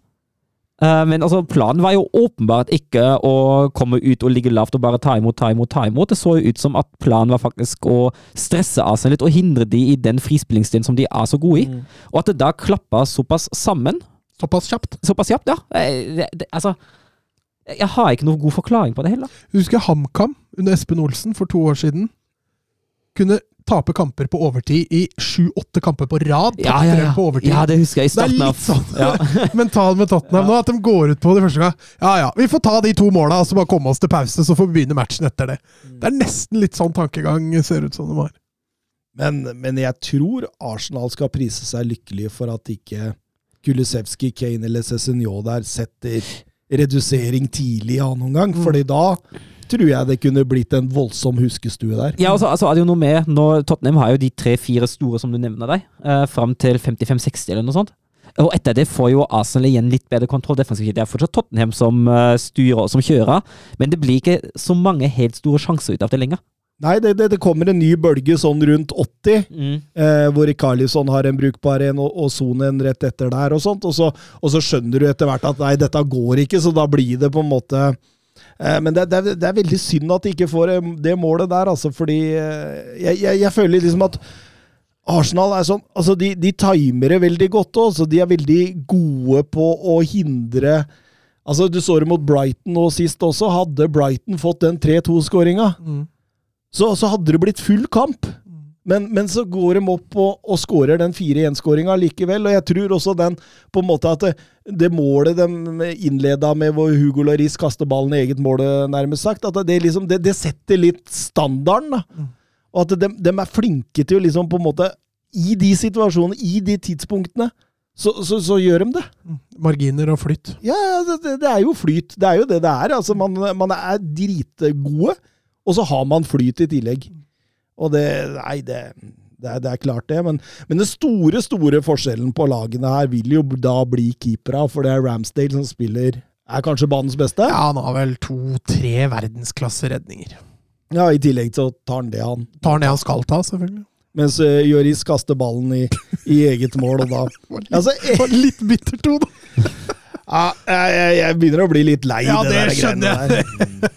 Eh, XG-en er jo forholdsvis jevn nå, så det Gjør det ikke noe bedre, si. Det gjør ikke noe bedre enn deg. Um, XG-en på, saka- nei, på sjølmålet der, ja, den kan ikke ha vært stor. Ja, du, du, får ikke, du får ikke XG på sjølmål. Du får ikke XG Nei. på sjølmål. Ja, men når Saka skyter, så har du vel en XG? Ja, nei, han legger jo inn, så det er jo null i XG. Han skyter, han skyter jo strengt tatt ikke. Så de får mål på 0,0 der? ja. Så dårlig var det. Nei, det er å kaste ball i målet. Det er helt riktig. Edvardsen. Så lager Ram Ramsdale litt kok etter fløytesignalet der. Ja, han eh, strekker vel noen armer i været mot Tottenham-fansen, og Richarlison han, er, altså, han gikk jo på banen der med overtenning de luxe. Og eh, fikk ikke flyt, og når Ramsdale gjør det, så var Richarlison kjapt borte og fortalte at det, det gjør du ikke. Ramsdale tror jeg skjønte at det var litt dumt, så han ville egentlig bare bort og gå vekk derfra. Eh, og da blir det litt tumulter, og en Tottenham-supporter er jo på vei inn på banen der for å sparke Ramsdale. Ser dere, ser dere sikkerhets... De, de gidder ikke å bry seg om det engang. Ok, du sparka Ramsdale, men vi lar deg gå. Ja, det er helt sykt. Han blir riktignok dytta unna der av en vakt som bryr seg lite grann, i hvert fall. Eh, og eh, da blir det litt tumulter. Eh, Sjaka er der borte og lager litt kvalme. Arteta er veldig opptatt av å få alle bort. og til slutt så går de jo bort og feirer med, feirer med Arsenals eh, supportere. Jeg så Tottenham slapp en pressemelding allerede dagen etter hvor eh, de skulle identifisere denne supporteren og utestengen fra, fra Tottenham Hotspur Stadium. Ja, det hører jo ikke noe sted hjemme, ingen tvil om det. Nisselue på. Kan jeg få støtte i min mening om at Loris aldri har vært noe annet enn en OK keeper? Har vært grei skuddstopper, svak i feltet og alltid en tabbe i seg. Dette er ikke noe nytt, selv om alle virker å tro det. Ja... jeg, jeg syns det er lett å bli historieløs når han er sånn han er nå, men eh, hvis man husker hvordan han var eh, prime Pochettino, så, så, så, så var han jo mer enn en OK keeper og en grei skuddstopper. Altså, han har aldri vært på den øverste hylla. Det har han ikke vært. Men en del av karrieren har vært på den nest øverste hylla. Og Altså, jeg sammenligner mye av det som skjer med Loris, som det som skjedde med Handanovic for et par år siden. Plutselig, liksom. Har vært en strålende, en solid keeper som har liksom vært til å stole på over lang tid. Og så bare begynner tabbene å renne inn når du blir en sånn 36-37, som du gjorde med også med Handanovic. og Det tror jeg var under Conte han begynte med de greiene der. Ja, altså, jeg, jeg, er litt, litt, altså, jeg er litt enig med deg, eh, egentlig, Thomas. Altså, har, jeg vil jo si at han på sitt beste var en eksepsjonell skuddstopper. Uh, men samtidig ser jeg også hva, uh, hva Nisselue er inne på. For altså, jeg er også enig i at Loris altså, har aldri hatt en sånn frekvens av tabber som han har nå. Um, men det spriket mellom bunn- og toppnivået, det føler jeg alltid har vært der. At han har vært litt ustabil, uh, og plutselig kunne prestere og se ut som at han spilte Sunday eh, League. Uh, greit nok, men altså, det var jo sjeldne tilfeller før. Men, men, men ja, for jeg, jeg har aldri vært Altså, altså, man har jo sittet enkelte ganger med både spillere og, og keeper og alt mulig sånt, og, og, og, og følt en usikkerhet. Men jeg har ikke følt en usikkerhet oven, ovenfor å ha Joris i mål før nå i nyere tid. Nei, altså før denne sesongen. Jeg føler jo han har ikke tabba seg ut med en, en nødvendigvis andre keepere heller. Nei. Og det er jo klart, når du spiller keeper på et annet tidspunkt, får du, gjør du en tabbe. Um, sånn er det jo bare, i hvert fall som regel. Petter Martin Støvland eh, har Tottenham plutselig fått et seriøst keeperproblem på samme nivå som høyre wingback. Ja, det har dem! Og nok av bevis. Ja, det, det er det ingen tvil om. Abrahamsen er det fortsatt 60 poeng Det er fortsatt 60 poeng å spille om i Premier League. Er det for tidlig å gi Arsenal ligagullet? Hvem kan snike seg forbi? Ja, det er litt for tidlig. Eh, Jeg sa vel eh, Det kom jo ikke med siden vi ikke tok opp, men eh, min konklusjon var jo at hvis City skulle være med en seks poeng bak etter at de har møtt hverandre for første gang nå snart, da skal jeg vurdere å vingle. Men det er jo fortsatt altså, Og du var jo inne på det forrige episode, Mats. Det er, det er jo mulig med ett poeng. Sånn cirka, sier man, per kamp. At man kan ta det opp, i hvert fall på toppen. Uh, Og at City kan fortsatt snike seg forbi, definitivt. Jeg er mer spent på Thomas, som var på 80-20 favør Ja, City. Om den, fortsatt, det var litt voldsomt, ja. eh, om den fortsatt står. Ja, den står. Den står, ja. Den står. Ja, men altså Det handler litt om at eh, hele sesongen til Arsenal nå har vært flyt. Ja, de har vært gode òg. Ja, jo, jo, jo. Ja. jo, jo men, men, men, men, men flyt. Man har hatt For all del jeg, jeg, Ja, ja. Men jeg, selvfølgelig skal jeg si at de har vært gode. De har vært dritgode. Det er kjempeimponerende, det Arteta driver med. Og, og, og det Martin Ødegaard driver med, alt mulig sånn. Det, det, det er dritimponerende. Jeg så det ikke komme, men det er dritimponerende. Men de har også hatt flyt. Og hva skjer når Party kanskje blir skada? Når eh, en av midtstoppera der kanskje går på en, eh, på en eh, smell? Eh, det, det, det, det- er fortsatt en ganske liten Sårbar. bredde i det. Sårbart. Ja, og, og, og det er en ung stall, så hvis de får litt motgang, hva skjer da? Eh, Jeg, jeg er fortsatt på 80-20. Ja, jeg holder fortsatt også City som en favoritt, men jeg er mer på 60-40. Ja, det er jeg enig med deg, Mats. Men Manchester United og Newcastle de kan ikke komme forbi.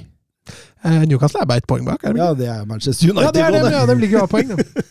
Eh, jo, de kan jo det, men hvis City blir seriemestere, så gjør de jo ikke det. Da, da er de jo bak. Cristiano Donaldo. det er mye fine eh, Twitter-navn der ute. Vil høre deres tanker angående Martin Ødegaard, eh, hvorvidt han er blant de fem beste midtbanespillere i verden akkurat nå, og kan han få seg et større navn enn Øsil i Arsenal? Akkurat nå vil jeg si han det, i hvert fall hvis vi snakker offensive midtbanespillere. Definitivt. Det han eh, driver med, og det han har drevet med siden uh, VM-pausen, har vært helt fenomenalt. Eh, det, det, det er fantastisk. Fantastisk prestasjoner. Åtte mål i Premier League nå. altså. Altså, han har vært god hele sesongen nå, men jeg syns han har vært ekstraordinært god etter VM-pausen. Siden, eh, siden da. Siden boksing day. Da. Eh, men Arsenal er ikke halvveis ennå. Han har åtte mål, altså. ja. Mm. Eh, og, og at han kan få seg et større navn enn Øzil, selvfølgelig. Eh, Er han ikke på vei dit allerede? Jo, eh, og det handler jo, altså det handler jo om at uh, Øzil kom jo til Arsenal da han var allerede litt på hell. Han har fortsatt mye gode kamper seg og har vært litt på hell, men det handler jo også om måten Øzil dro fra Arsenal. Han hadde jo en vanvittig lønn i Arsenal, og husker jeg. Han tjente jo Mm. mye mer enn alle mer. Og selv om han donerte litt til maskotten etter hvert der, så Så dro han vel ikke derfra med, med de beste aksjene i behold, men, men eh, jeg tror Ødegaard Fortsetter han sånn, så er han jo legende i Arsenal om to år. Maks. Månen spiller i Premier League, kaptein for det beste Premier League-laget. Involvert i stort sett alt offensivt. Jobber av sokkene av seg defensivt. Nei, altså Det er vanskelig å argumentere imot at det er topp fem i verden. Det er det. Ja, Jeg kan ikke komme på altså, Det er klart du må litt sånn forskjellige roller, da. Så Ja, det er derfor- Casemiro det er derfor er jeg sier offensive. Jeg syns det er vanskelig å sammenligne defensive med offensive. Ja. Men altså hadde jeg tatt ut et årets lag for, denne, altså for 2022-2023-sesongen akkurat nå, skulle jeg hatt to midtbanespillere, gitt én plass til Martin Ødegaard. Ja. Ja, det, det, det hadde ikke vært feil, det, faktisk. Anders Hansen, eh, bør vi med nisseluer eh, kjenne litt på dårlig samvittighet for at Ødegaard og Braut er støkt på det norske landslaget? Eh, Hva mener du? Nei, at vi skal kjenne litt på dårlig samvittighet over at de ikke får spille internasjonal VM-fotball og sånne ting. oh, ja, sånn ja! At de ikke spiller på det engelske landslaget, liksom? Ja, Å, sånn, ja. Og altså at vi med nisselue skal ha dårlig samvittighet for det? Ja, Oh, ja, men jeg, det er ikke lenge til Norge er i et mesterskap nå. Det kan ikke være. Nei, det kan ikke det. Det, det må, altså, hvis, Altså- hvis, vi ikke, vet du hva, hvis vi ikke klarer å komme oss til et EM med 24 lag, der nesten halve Europa er med, med dette laget som vi har nå, er bare å legge ned landslaget. Og det mener jeg. Da er det, legge, da er det å legge ned landslaget. Ja, det, det er nesten enig med deg. Da kan vi melde oss inn i Asia eller et eller annet. Så kan vi heller spille Asiamesterskapet, Ja. hvor vi kanskje Kan, kan, kan, kan spille sånn, uh, sånn nordisk mesterskap mot Grønland og Færøyene, eller gudene veit, da. Ja, Og Åland i Sverige, Ja. kanskje de Eller Ørland er det kanskje heter. Kanskje de har et landslag Ja, det, kan det heter at de, det er sånne, sånne landslag for, for landslag som ikke er med i Fifa, er sånn Con-IFA. Da kan man være med, da. Kan melde seg ut av Fifa og være med i Con-IFA istedenfor. Da møter man sånn Åland og Sicilia og sånne greier, da. Cecilia? Men- men- men- Cecilia, er ikke det mafiaen nede i Italia? Er det det? det, det, det, det, Det har vært helt nydelig. Haaland Haaland og Ødegaard, det har vært fint. Men historien er jo lang på stjerner som spiller på svake landska, landslag. Altså. Ja, Men Norge er ikke et svakt landslag lenger! Nei, men, eh, nei, men, da, da, men da, da vedkjenner du ikke det Anders Hansen sier her. Jo, jeg, jeg mener at Norge underpresterer. Det mener jeg. Ja, nei, det er jeg, jeg er helt enig med deg. Altså, det er klart vi Vi får jo alltid ett kanonlag i gruppa vår når vi skal gjennom en kvalik, så, så, så lett er det jo selvfølgelig ikke. Men altså når, altså se de gutta altså, som kommer opp bak nå, altså Schjelderup som har signert nå for Benfica. Det er bare tidsspørsmål for han. Du har Antonio Nusa, du har uh, Åren i United. Altså, det er så mye talent der nå, da. Det er bare tidsspørsmål. det, det som er så fascinerende, da altså Hvis du ser på hvordan vi ikke kvalifiserer oss til turneringer, det er ikke ofte det skjer nå i det siste mot de store lagene. Det er ofte fordi vi klarer ikke å slå Aserbajdsjan på hjemmebane eller tape borte mot Slovenia og sånn tull, da. det var vel, var vel Serbia på Ullevål sist, var det ikke det? Jo, jo, men da, hvis, da, da er jo da òg Hadde vi vunnet en kamp i Slovenia som vi skal vinne, så hadde en kamp mot Serbia vært helt betydningsløs. For da hadde vi vunnet Nations League-gruppa. Og jeg husker den ene perioden med Høgmo da vi spilte kvalik mot Ungarn, eller playoff, eller hva det heter. Ja, og Henriksen på topp. Ja, ja, men da, da, da spiller vi jo den playoffen mot Ungarn fordi vi ikke klarer å slå Aserbajdsjan på Ullevål. Mm. For den kampen var jeg på å spille vinner en grusom fotballkamp. Ja. Nei, det kan godt hende de føler seg litt som Jari Littmann eller Eidur Gunnulfsen. George. Vea. George Vea, ja. Mhm. Ryan Giggs, husker du det? Kom aldri til mesterskap. Det var først under Gareth Bale Wales kom i, til mesterskap. Ja, men da var det jo 213 lag i VM med, da, så da, da var det mange som fikk være med. Aston Villa vant eh, 2-1 over Leeds eh, i noe heldig seier, kan man vel for så vidt si. Leeds var gode, de, men eh, Kim Jansen han ønsker at vi skal snakke om Emi Martinez sin elleville redning der åssen i heite Blåmyra klarte han å redde den. Årets redning kom eh, tidlig.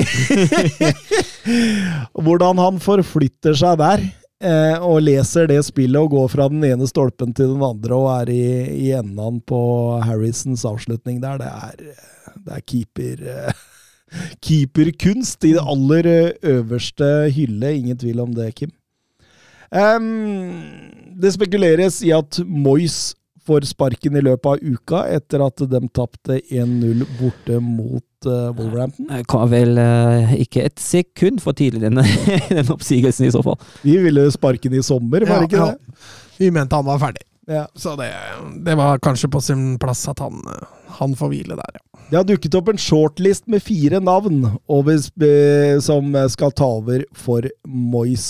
Får de avtale med en av disse, ryker Moyes på dagen, skal det hevdes i enkelte medier. Og de fire, det skal være Pochettino, Ho, ho, ho, spennende. Thomas Tuchel, eh, Rafael Benitez Å.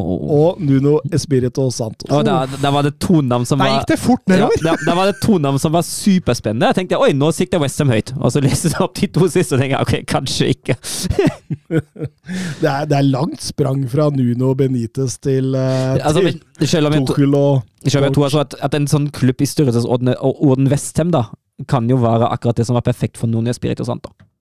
For han er, Jeg mener jo ikke at han er en dårlig fotballtrener, jeg mener at han ikke er god nok for lag som Tottenham. Mm. Eh, og jeg mener at hans store styrke er jo det defensive.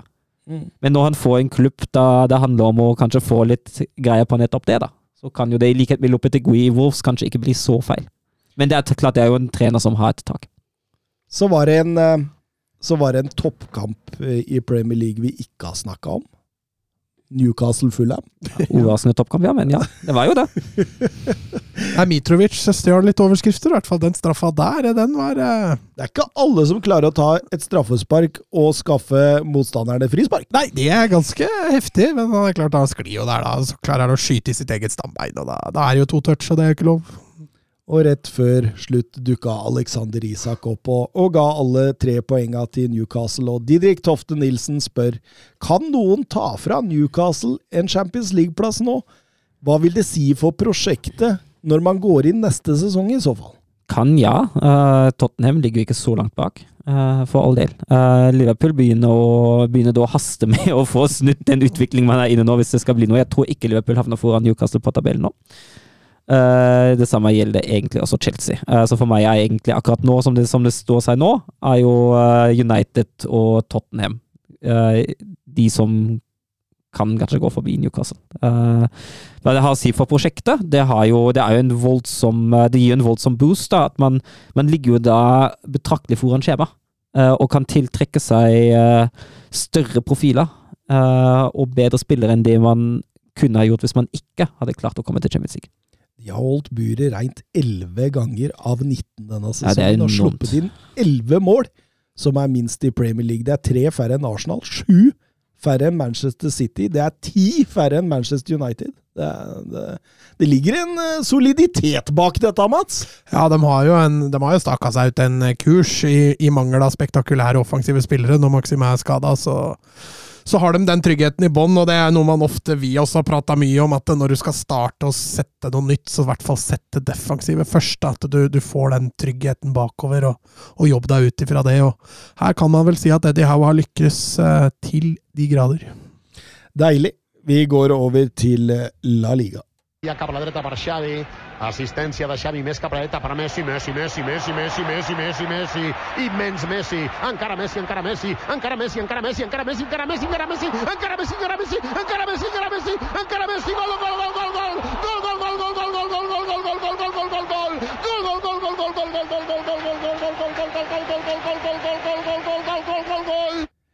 Ja, Mats, det var dette Sevilla da, som endelig hadde kommet seg over streken eh, forrige runde. Nå var de på besøk i Girona. Og datt under streken igjen, det var det du eh, skulle konkludere med til slutt der. Det er eh, helt riktig, og Sevilla sine problemer, de bare vokser og vokser. Møter et Girona-lag som var relativt påskrudd fra start, og, og går vel egentlig rett i strupen på, på Sevilla, og trøkker dem litt bakover. Eh, Kunne jo stått 2-0 Ja, der etter fem minutter. Girona har i hvert fall én kjempesjanse der, som, som helt klart bør settes. Eh, så greier Sevilla å ri av det verste trykket etter hvert der. Får en dødballskåring ved Nianzo, og, og, og får i hvert fall senka skuldra sine litt da, til man begynner å nærme seg pause. og Kommer til pause og tenker ok, da, da kan vel dette bli litt reprise som på forrige match, men den andre gangen her så har de ikke flyten de hadde hjemmekampen sist mot Getafe? ja, Getafe, takk. Eh, hvor, de, hvor de skårer selv om de spiller dårlig. Nå, nå gikk det gærent fra starten av. Stuani rett ut fra pause der skårer det målet de ikke klarte i første omgang, og dermed står det 1-1, og da begynner dette Sevilla-laget å skjelve umiddelbart. Eh, Girona fortsetter jo bare å peise på uten å få skåringa si, og så er det da Helt på slutten så er det en ulykksalig eh, nyanse der som eh, spilleren tilbake igjen, og nei, det går, det går ikke. Nianzo med sitt tredje eller fjerde mentale sammenbrudd når det kommer til det med oppspillsfasen. Ja. Hva er det han, de- er han dreiv med i denne kampen? Men, men uh, du så altså Lopetegi var jo redd for å spille den. Eh, han brukte jo heller midtbanespillere og B-lagsspillere der enn å bruke han. Ja, du kan jo forstå det. Ja, når du ser kamper som dette, så skjønner man jo at, uh, at dette ikke, ikke holder mål. Og tilbakespill som er for løst der, og Angel Herrera bryter og chipper Bono der. Og I det 88. minutt så ryker altså Sevilla på et fortjent 2-1-tap borte mot uh, Girona. Eh, Steffen Hansen eh, spør Han har lagt merke til noe av det samme som det jeg er inne på her. Har vi noen gang sett et lag spille bort ballen så ofte som Sevilla gjorde i oppspillsfasen? Man kan jo ikke opptre slik. Da rykker man ned fordi man gir motstanderen et par mål i hver eneste kamp. Mm. Nei, altså, de har jo ikke ferdigheter til å spille sånn som de gjør. Eh, de, de, mangler, de er jo fullstendig blotta for selvtillit. Eh, og så, så Da kan du trene inn et så godt mønster du bare vil, så lenge du ikke har ferdigheter eller troa på det du driver med. og Da, da blir det vanskelig. Eh, og, og Nianzo er, han har aldri vært noen tekniker. Han er jo ikke, du setter jo ikke han inn i City, eksempel. Det går ikke. Så, så Sevilla må jo ha typer til å spille fotball, og da er det litt sånn opp til Sampaoli. Han har jo så langt stått til stryk i dette Sevilla-comebacket sitt, det er jo ingen tvil om det. Jeg, jeg ser også heller ikke at dette Jeg tror han bare gjør det, kommer til å gjøre det verre. Eh, man kunne jo tro at optimismen hans, energien hans, kunne snu det. Nå ser man at det ikke fungerer. Fotballen han ønsker å spille, er åpenbart et steg høyere enn det Sevilla makter. Og jeg tror ikke Sevilla skal la det gå altfor lenge med dette, før dette kommer til å bli en eh, belastning. At Sampaoli rett og slett blir en belastning. Um, og, og du ser også han sliter med å ta ut lag. Og, og Nå har jeg sagt dette før, men, men de har jo ikke spillere. De, de har jo bare juniorspillere på benken. Og det, er- er begrensa hva de får satt inn. Altså En Suso som ikke er i form. En, eh, en Siri som ikke har i det hele prestert i det hele tatt denne sesongen. Uh, og som jeg var inne på sist, også Lamela tåler jo bare maks en omgang per kamp. Så da, da blir, det blir tungt, altså. Og det er liksom så grått. Ja. Det er så grått. Og når du tilfører det forsvars... Altså et forsvarsproblem, Loic Badé, som ikke kommer inn på Nottingham Forest engang Han er ikke i nærheten av å komme inn på Nottingham Forest, og nå skal han inn og redde Sevilla baki der. I en sånn Trebekslinje satt opp av noen midlertidig midtbanespiller og, og, og Tangi nianso liksom. Det er, det er, det er jo Som altså for, som for øvrig kosta skjorta i sommer fra Bayern München. Ja, de ga vel 100 og Nei, Jeg tror det var, to, det var 200 mi- altså Det 20 var- millioner euro, tror jeg. Ja, 20 Rundt. rundt. Jeg tror det. Og Sånn. Ja, det er ikke det et prosjekt du bare kan skrote heller etter et halvt år, så dette er jo noe de er nødt til å satse på videre også. så Og det er klart det, at Bayern München da, selger en så ung midtstopper eh, det, det, det, Ja, det skal, det skal sies da de har en tilbake, tilbakekjøpsklausul på ham, da, hvis han skulle lykkes. ja, Den tror jeg Ja, du hadde rett, 16 millioner var den, ja, 16. ja, men fortsatt, altså. Ja, ja. Eh, Med tanke på det han leverer, så er det fryktelig blodpris. Ja, jeg, tror, jeg tror ikke det er en ny kjøpsklausul trenger Sevilla bekymre seg for. Sevilla kommer tilbake og forhandler ned den sjøl. du, 13 millioner kan få Ta meg vær så snill og ta den av. Neida. Eh, altså, han er fortsatt ung, så vi Ja skal, da. ikke, vi skal ikke hogge huet av han ennå. Men, men det han har prestert så langt denne sesongen, det, det er under Men han kan ikke få oppspillsansvar. Nei, men altså Hvem bak der er det som skal styre dette forsvaret? Det Nei, mista, det mista begge lederne Ja. sine i sommer. Valgte altså å selge begge, eller valgte, den ble vel kanskje tvunget til å gjøre det Så det er men- Monshi som er grunnen til dette her. Ja, altså Her er jo altså det man ser, da altså Ta bruken mitt kjære Lillestrøm som eksempel. da Eh, Når du selger forsvarssjefen din, så har du en ny en i bakhånd. Mm. Mm. Eh, og her er det Sevilla bomma. Det er mulig de har hatt en, en i bakhånd de ikke har greid å få tak i, Eh, men da kan du heller ikke selge begge sjefene dine. Nei, nei. Så akkurat nå ser det ser fryktelig mørkt ut, altså. Det gjør det. Spillmessig, tabellmessig, økonomisk. Det, det, ser, det ser mørkt ut. Hva gjør vi hvis de rykker ned? Bare har tre lag neste sesong i La Liga, ja. Da med Girona. De var ganske friske. Jeg syns Girona var friske. Et annet lag som var ganske friske, det var Almeria. De tok imot eh, Atletico Madrid. Et Atletico Madrid som har ekstremt svak bortestatistikk med Almeria. Kun vunnet én av de siste fem før dette oppgjøret. De har også sendt både Joao Felix og Mateus Cunha til eh, Premier League, noe som betyr at eh, Angel Correa var tilbake i tropp. Jeg føler, jeg føler han er liksom har ofte levert når han får tillit, men har alltid vært den enkleste å vrake. Ja. Han er liksom go to-personen. Når han må vrake en offensiv, så er det Korea som ryker. Eh, nei, jeg er helt enig med deg. Han hadde en periode i fjor òg hvor han briljerte, og så ble han satt ut av laget til slutt. og Sitter riktignok med Morata på benken, men når du ser hva Morata leverte når han kom inn, så skjønner, så skjønner man jo det. Han har jo noen misser der som er helt grusomme. Men jeg syns Atletico starter forholdsvis hvis da. Altså, den Grismann-overhoppet der er jo, det er jo genialt, eh, når Korea setter 1-0 der. En såkalt dummy. Ja, han, han løper ja, Det er litt rart at ikke man får assist på det.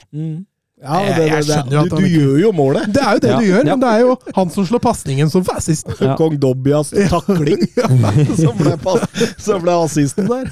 Så nei, eh, Jeg skjønner jo at det ikke blir assist, altså, men, men det fortjener å få en assistpoeng da, når du gjør noe så genialt og bevisst. da.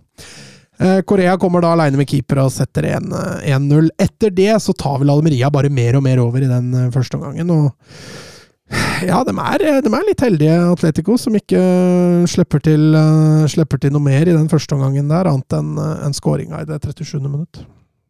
En stupheading Robin van Persie hadde vært stolt over der. El Bilal Touré. Men bra legg òg. Altså, Du får den jo perfekt der, da. Så.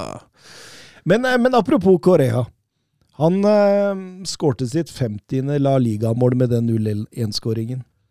Eh, faktisk eh, er han kun den andre spilleren under Diego Simione i Atletico Madrid som har nådd 50 La Liga-mål. Er Grismann den første? Det, er- det er litt spesielt. Men Atletico er jo veldig gode til å utvikle spisser og selge dem før de Altså Fernando Torres, Sergio Aguero Ja, Men dette var jo Eh, før. Ja, det er før Simione, ja. Ja. Men, men Atletico generelt, da. Du ser jo under Simione, og de spiser jo spisser. Ja, så tenker jeg, hvis du, hvis du slår opp eh, La Liga under Simione, og du bare sorterer La Liga-laget av skåringer, er ikke Atletico Madrid eh, akkurat i toppen. De vinner jo igjen. Nei, men eh, likevel så er det litt sånn forbløffende. Ja. Han har jo vært der i en mannsalder nå, liksom. Og så er det liksom to spillere som har nådd 50 La Liga. Og den ene er Angel Korea. Ja. Ja.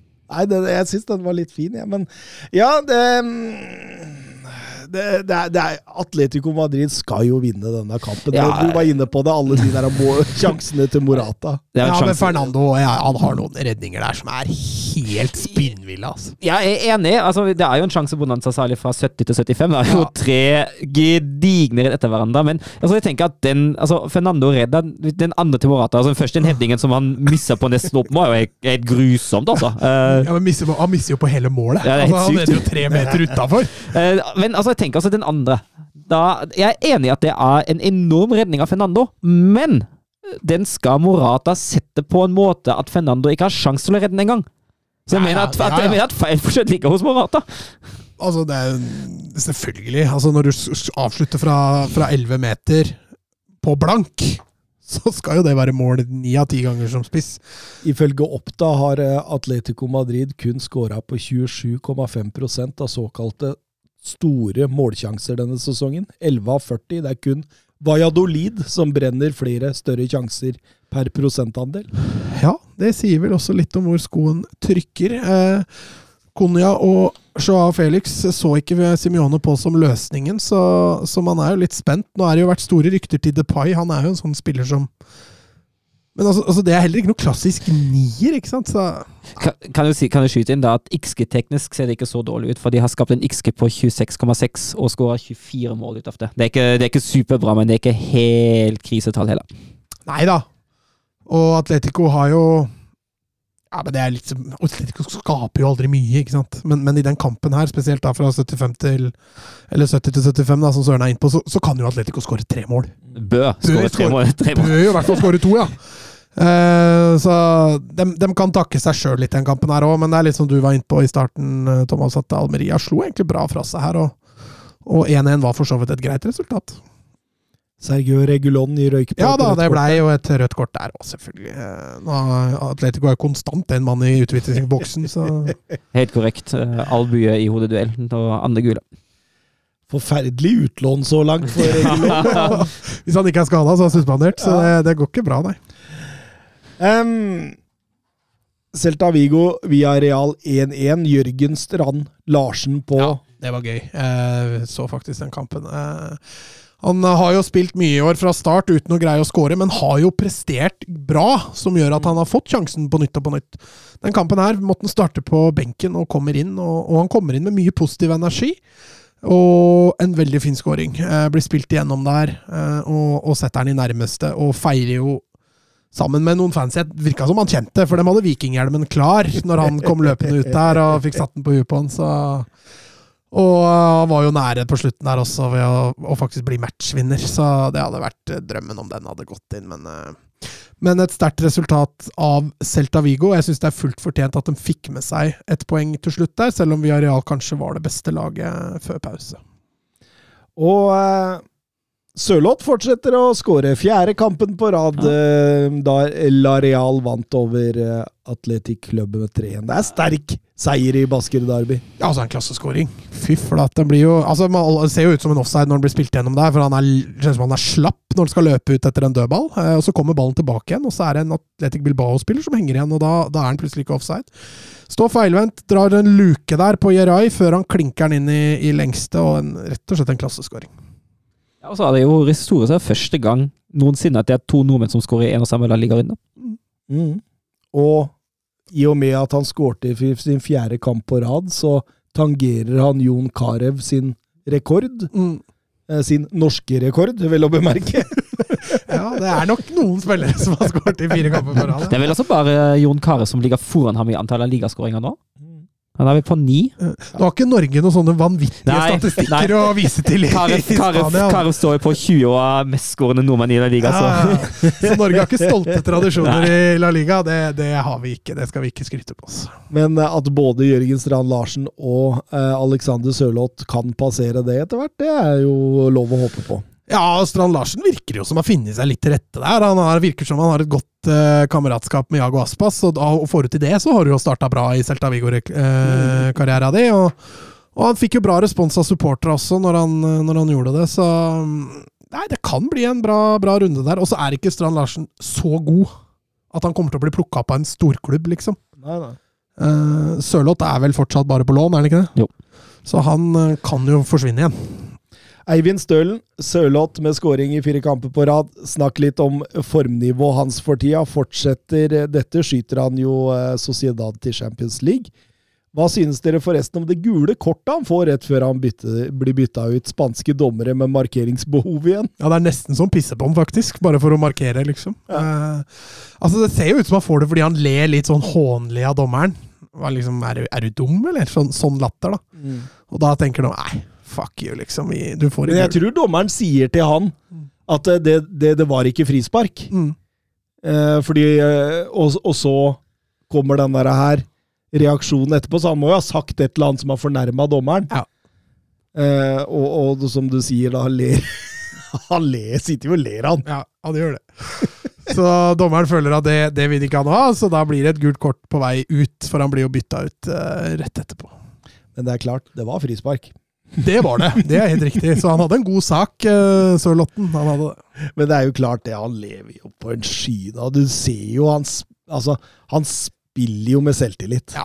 Du ser det måten han beveger seg på, de første touchene, kroppsspråket når han har ball.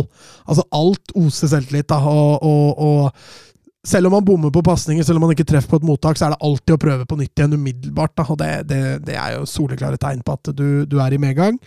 Eh, så får vi se. Sociedad har jo litt spenn, så kan jo hende de har lyst til å splatte for å få den neste sesong. Og fortsetter den sånn som nå, så, så har de jo ikke noe valg. Nei. Da må de jo kjøpe den. Ja. Det vil du få en del eh, supportere på nakken hvis du ikke gjør, tror jeg. Ja, og så tror jeg ikke den skal være vanskelig å få ut av for Leipzig heller. Nei, og så tror jeg Sørloth sånn som han Det virker som han trives også, sånn Mm. utad. Eh, og da er det vel ikke vanskelig, så den overgangen der kan jo si seg sjøl litt hvis vi, når vi kommer til mai. Det var en super Copa-finale i eh, Spania som gjorde at eh, det var ikke noe La Liga-runde for bl.a. sånn lag som Betis, Real Madrid og Barcelona. Ja, nå er de jo smarte nok i La Liga til å sette de opp mot hverandre også i serien på samme tid, sånn at de bare de spiller Mm. seinere, da. Så alle andre spilte jo, spilte jo, mens disse sto over, for det var jo supercupen hvor de to finalelagene i Copa del Rey møtte nummer én og to på tabellen, og eh, Real Madrid møtte Valencia på onsdag. Det endte med og uavgjort og ekstraomganger og straffekonk, hvor Real Madrid vant. Og på torsdag skjedde akkurat det samme en gang til. Eh, Det ble uavgjort, ekstraomganger og straffekonk, hvor Barcelona vant, som gjorde at det ble en finale mellom Barcelona og Real Madrid. En finale Barcelona var ganske overlegne i. Real Madrid hang rett og slett ikke med, og på stillinga 2-0 så var vel kampen mer eller mindre avgjort. Eh, gøy å se, men eh, samtidig lite varsku på Real Madrid, som så fryktelig bleike ut altfor lenge. Eivind Stølen, ser vi tendenser til et lite maktskifte mellom én og to i Spania nå? Jeg refererer til eh, Barcelonas overbevisende seier mot Real i, i helgen. Maktskifte. Ja, altså, de to siste åra, liksom, så har jo Real Madrid vært det klart beste laget. Det har i hvert fall blitt mye jevnere, og den kampen her så fremstår jo Real Madrid ganske mye svakere enn Barcelona. Eh, Barcelona tok jo det trekket med å sette Arojo på Venitius, som de Mm. har gjort med hell tidligere. Fungerte som bare det igjen, og når Benzema ikke er i form, og Modric eh, sliter litt også med å finne formen, så Nei, det var, eh, det var veldig overbevisende eh, når det gjelder maktskifte. Altså. Altså Det er et veldig vanskelig spørsmål, da, for jeg føler jo Barca er veldig tett på Real Madrid. Det har de vært hele tida. Altså et stort maktskifte vil det jo ikke være uansett. Men ja, vi har jo sagt det før sesongen, og jeg står veldig fortsatt ved det, at Barca blir seriemester i år. Mm. Geir Alvor Kleiva, hvem skal starte på kanten? Tenker alltid Savi. Svaret viser jo seg å være Gavi. Ja, det rimte, gjorde det ikke? Ja. Jo. Eh, nei, det Gavi ble dytta ut. Han har jo prøvd Pedri litt som en sånn brei indreløper. Nå var det Gavi sin tur, og, og, og Gavi fant mye rom. Eh, nå skal det sies at han fikk mye rom òg, så det var ikke så vanskelig å finne. Men, eh, og han utnytta det. Han straffa Real Madrid knallhardt. Han var eh, to assist og en scoring. Det, det sier vel sitt, og, og ganske like mål også. Så de fant åpenbart en feil på mellom stopper og bekk på Real Madrids høyre side, og der ga vi rett mann til å straffe dem. Og vi som har snakka om at Gavi og Pedri må bli mer målfarlig også, og så plutselig så har de jo egentlig blitt det. Svar, svar på tiltale. Ja, det hører jo åpenbart på 90 minutter, de gutta der. Ja, og så gjør de som de får beskjed om. Det er, det, er, det er ofte et godt tegn for en trener når, En trener kan si til spillerne at du må bli mer målfarlig, og så bare går han ut og gjør det. Det, det er hyggelig. Det er deilig.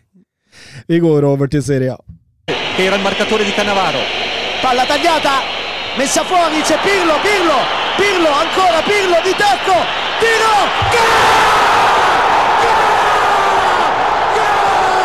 Grosso, grosso, gol, gol Grosso, gol di Grosso. Napoli, Juventus. For en kamp vi skulle se! Vi, vi satt her og sa Nei, nå blir det jevnt igjen i serien Vi Satt vi her forrige episode. Og så Men ble altså- det bare fullstendig enveiskjøring. Pablo Di Canio var ute før kampen og sa at eh, Juventus er kjedelig. Det er kun i Italia et lag med slik spillestil kan ligge i toppen, hevda han. Og, og eh, som forventet, det tok ikke lang tid før Juventus la seg ganske dypt. Nei, og, og Napoli Altså, de første 20 uh, er jo Napoli det soleklart beste og styrende laget. Og det, det gegenpresset som de setter, uh, gjenvinningsspillet, eh, det er sterkt. Eh, Juventus kommer seg jo nesten ikke ut av egen, omgang, eh, av egen halvdel engang. Og det er fullt fortjent at uh, Ossimen sitter opp sender Napoli 1-0 i ledelsen, men eh, Deilig, deilig liggende ja, volley. men synd at ikke Kvaratskhelas mål, eller skutt, går inn, da. Det har vært altså, fin redning av Siesti for all del, men ach, det har vært så mye finere om den gikk inn i stedet. Han kommentatoren som kommenterte på VGTV, tror du han var Kvadraskela-fan, eller? Å, dæven! Og han eh, det, det var til og med dette var assist for han. Ja, men det er det, det, er det jo. Det er offisielt assist. Det har blitt det nå, ja. Det har det hvis du, hvis du skyter og så redder keeperen, eller du skyter i stolpen, så skal du få assistpoeng for det. Ja, det visste jeg faktisk ikke. Tyskland, I Tyskland har vært sånn en god stund. Ja. Og jeg tror det er, jeg, jeg, Nå er jeg litt usikker, nå spiller ikke Fantasy, men jeg tror også Fantasy teller det som en assist. Jeg tror Jo, det. jo, det veit jeg jo. Ja, men jeg, tror, jeg tror det er offisielt. Men, men altså, Fantasy har jo drevet med Ja, assister jo, jo. som du ikke kan forstå. Er. nei da. Altså, eh, det er, hvis du bomma på straffespark, der, så fikk du assist hvis det ble sendt retur. ja, ja, men altså, altså, som sagt, altså, I Tyskland er jeg i hvert fall assist. Nå er jeg litt sånn usikker på om La Liga teller sammen. Altså, for meg er det også assist, egentlig. Og det, det, Jeg har aldri tenkt på det som assist, jeg, Mats. Nei, det, det er Hvis du som, det, skyter og keeperen redder, og så tar én retur. Ja, det blir jo som et sjølmål, spør du meg. Ja. Hvis ballen er på vei mot mål, så er det ikke et sjølmål, men hvis ballen er ikke på vei mot mål, og noen dytter den i mål, så er det et sjølmål. Ja, jeg syns, jeg syns den er litt rar, altså. Men det, det kan godt hende du har rett. For all del. Ja, han, kommentatoren han ga i hvert fall Kvadraskela det. På den tyske telebåten hadde jeg også gjort det. Men eh, altså Men, altså, men ja, eh, altså syns jeg jo De klarer jo ikke to trekk engang, Juventus, i laget sitt. Altså, det, altså, det, er, det er jo Det spiller mot ett mål innledningsvis her, og det tar lang tid før Juventus liksom begynner å komme litt i det. Og da er det Rahmani som jeg føler får dem litt inn i kampen.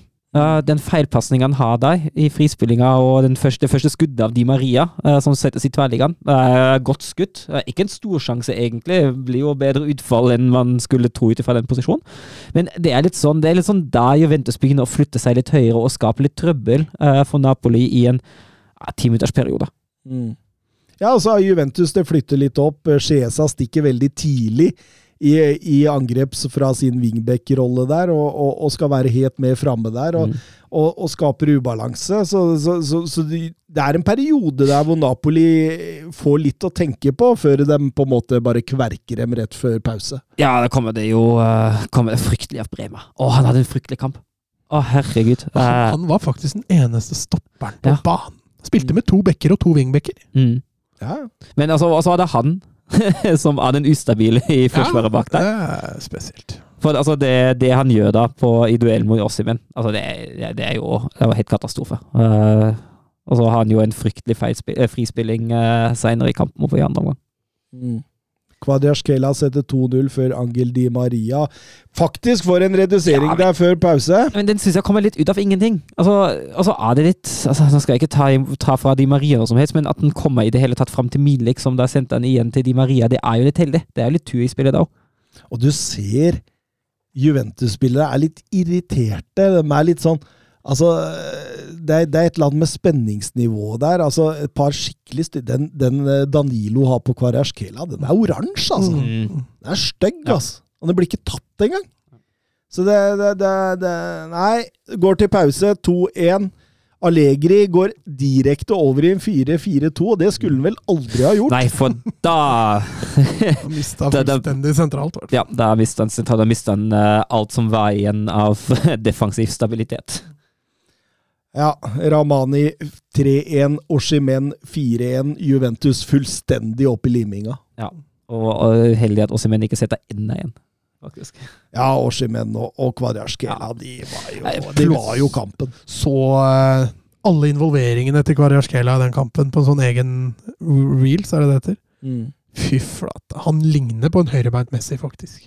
Han Ja. har de samme tyngdeoverføringene. Det er, det er vakker estetisk, altså.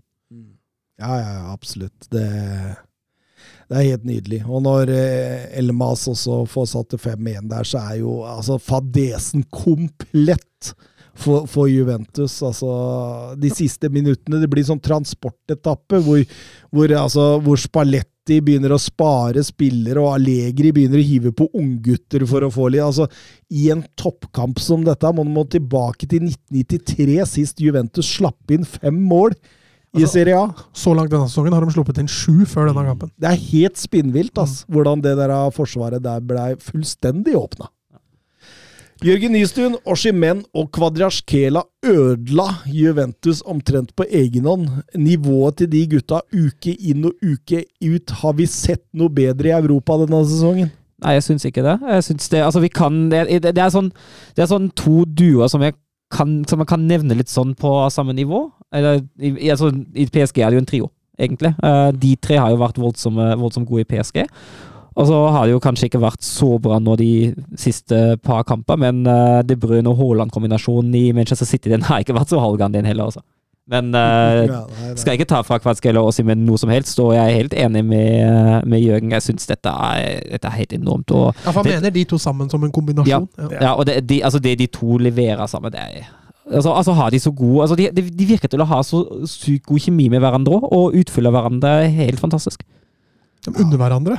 Mm. Det er toppnivå der som er helt, helt ekstremt. Ingen tvil om det. Alex Bjørkan.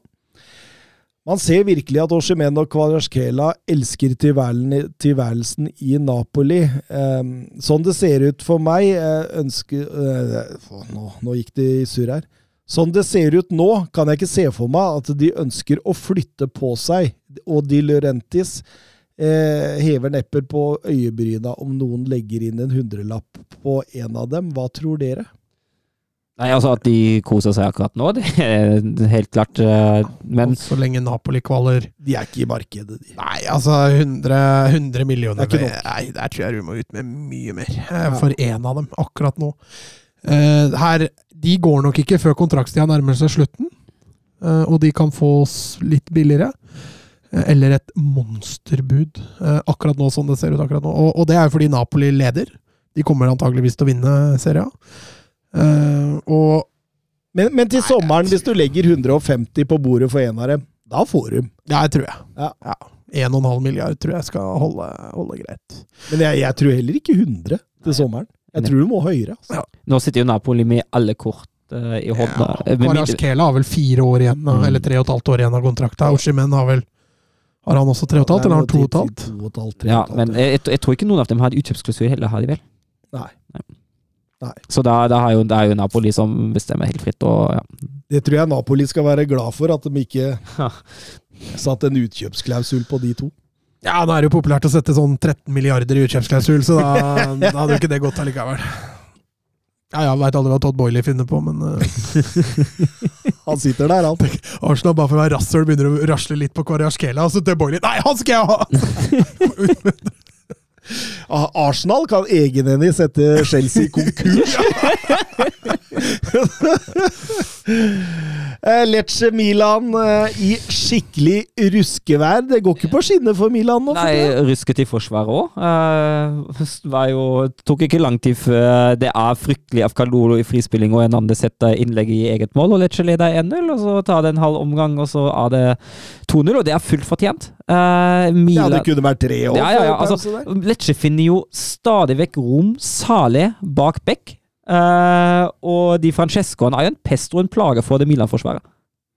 Ja, helt klart. helt klart. Jeg så et intervju med, med Pioli her, hvor han sier at de, de stresser altfor mye for tida. De rusher i angrep. De gjør ikke avtalene som bestemt. Og jeg, jeg syns du ser det veldig godt i denne første omgangen her, at man sliter både offensivt og defensivt. Man kommer seg liksom aldri inn i kampen.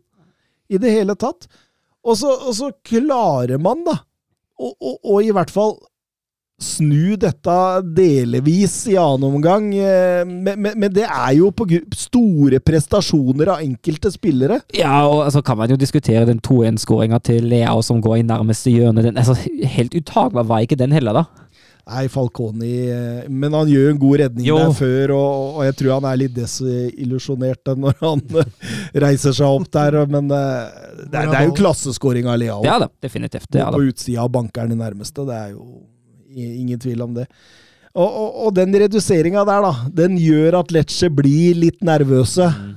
Og, og da kommer jo Calabrias 2-2-skåring rett etterpå.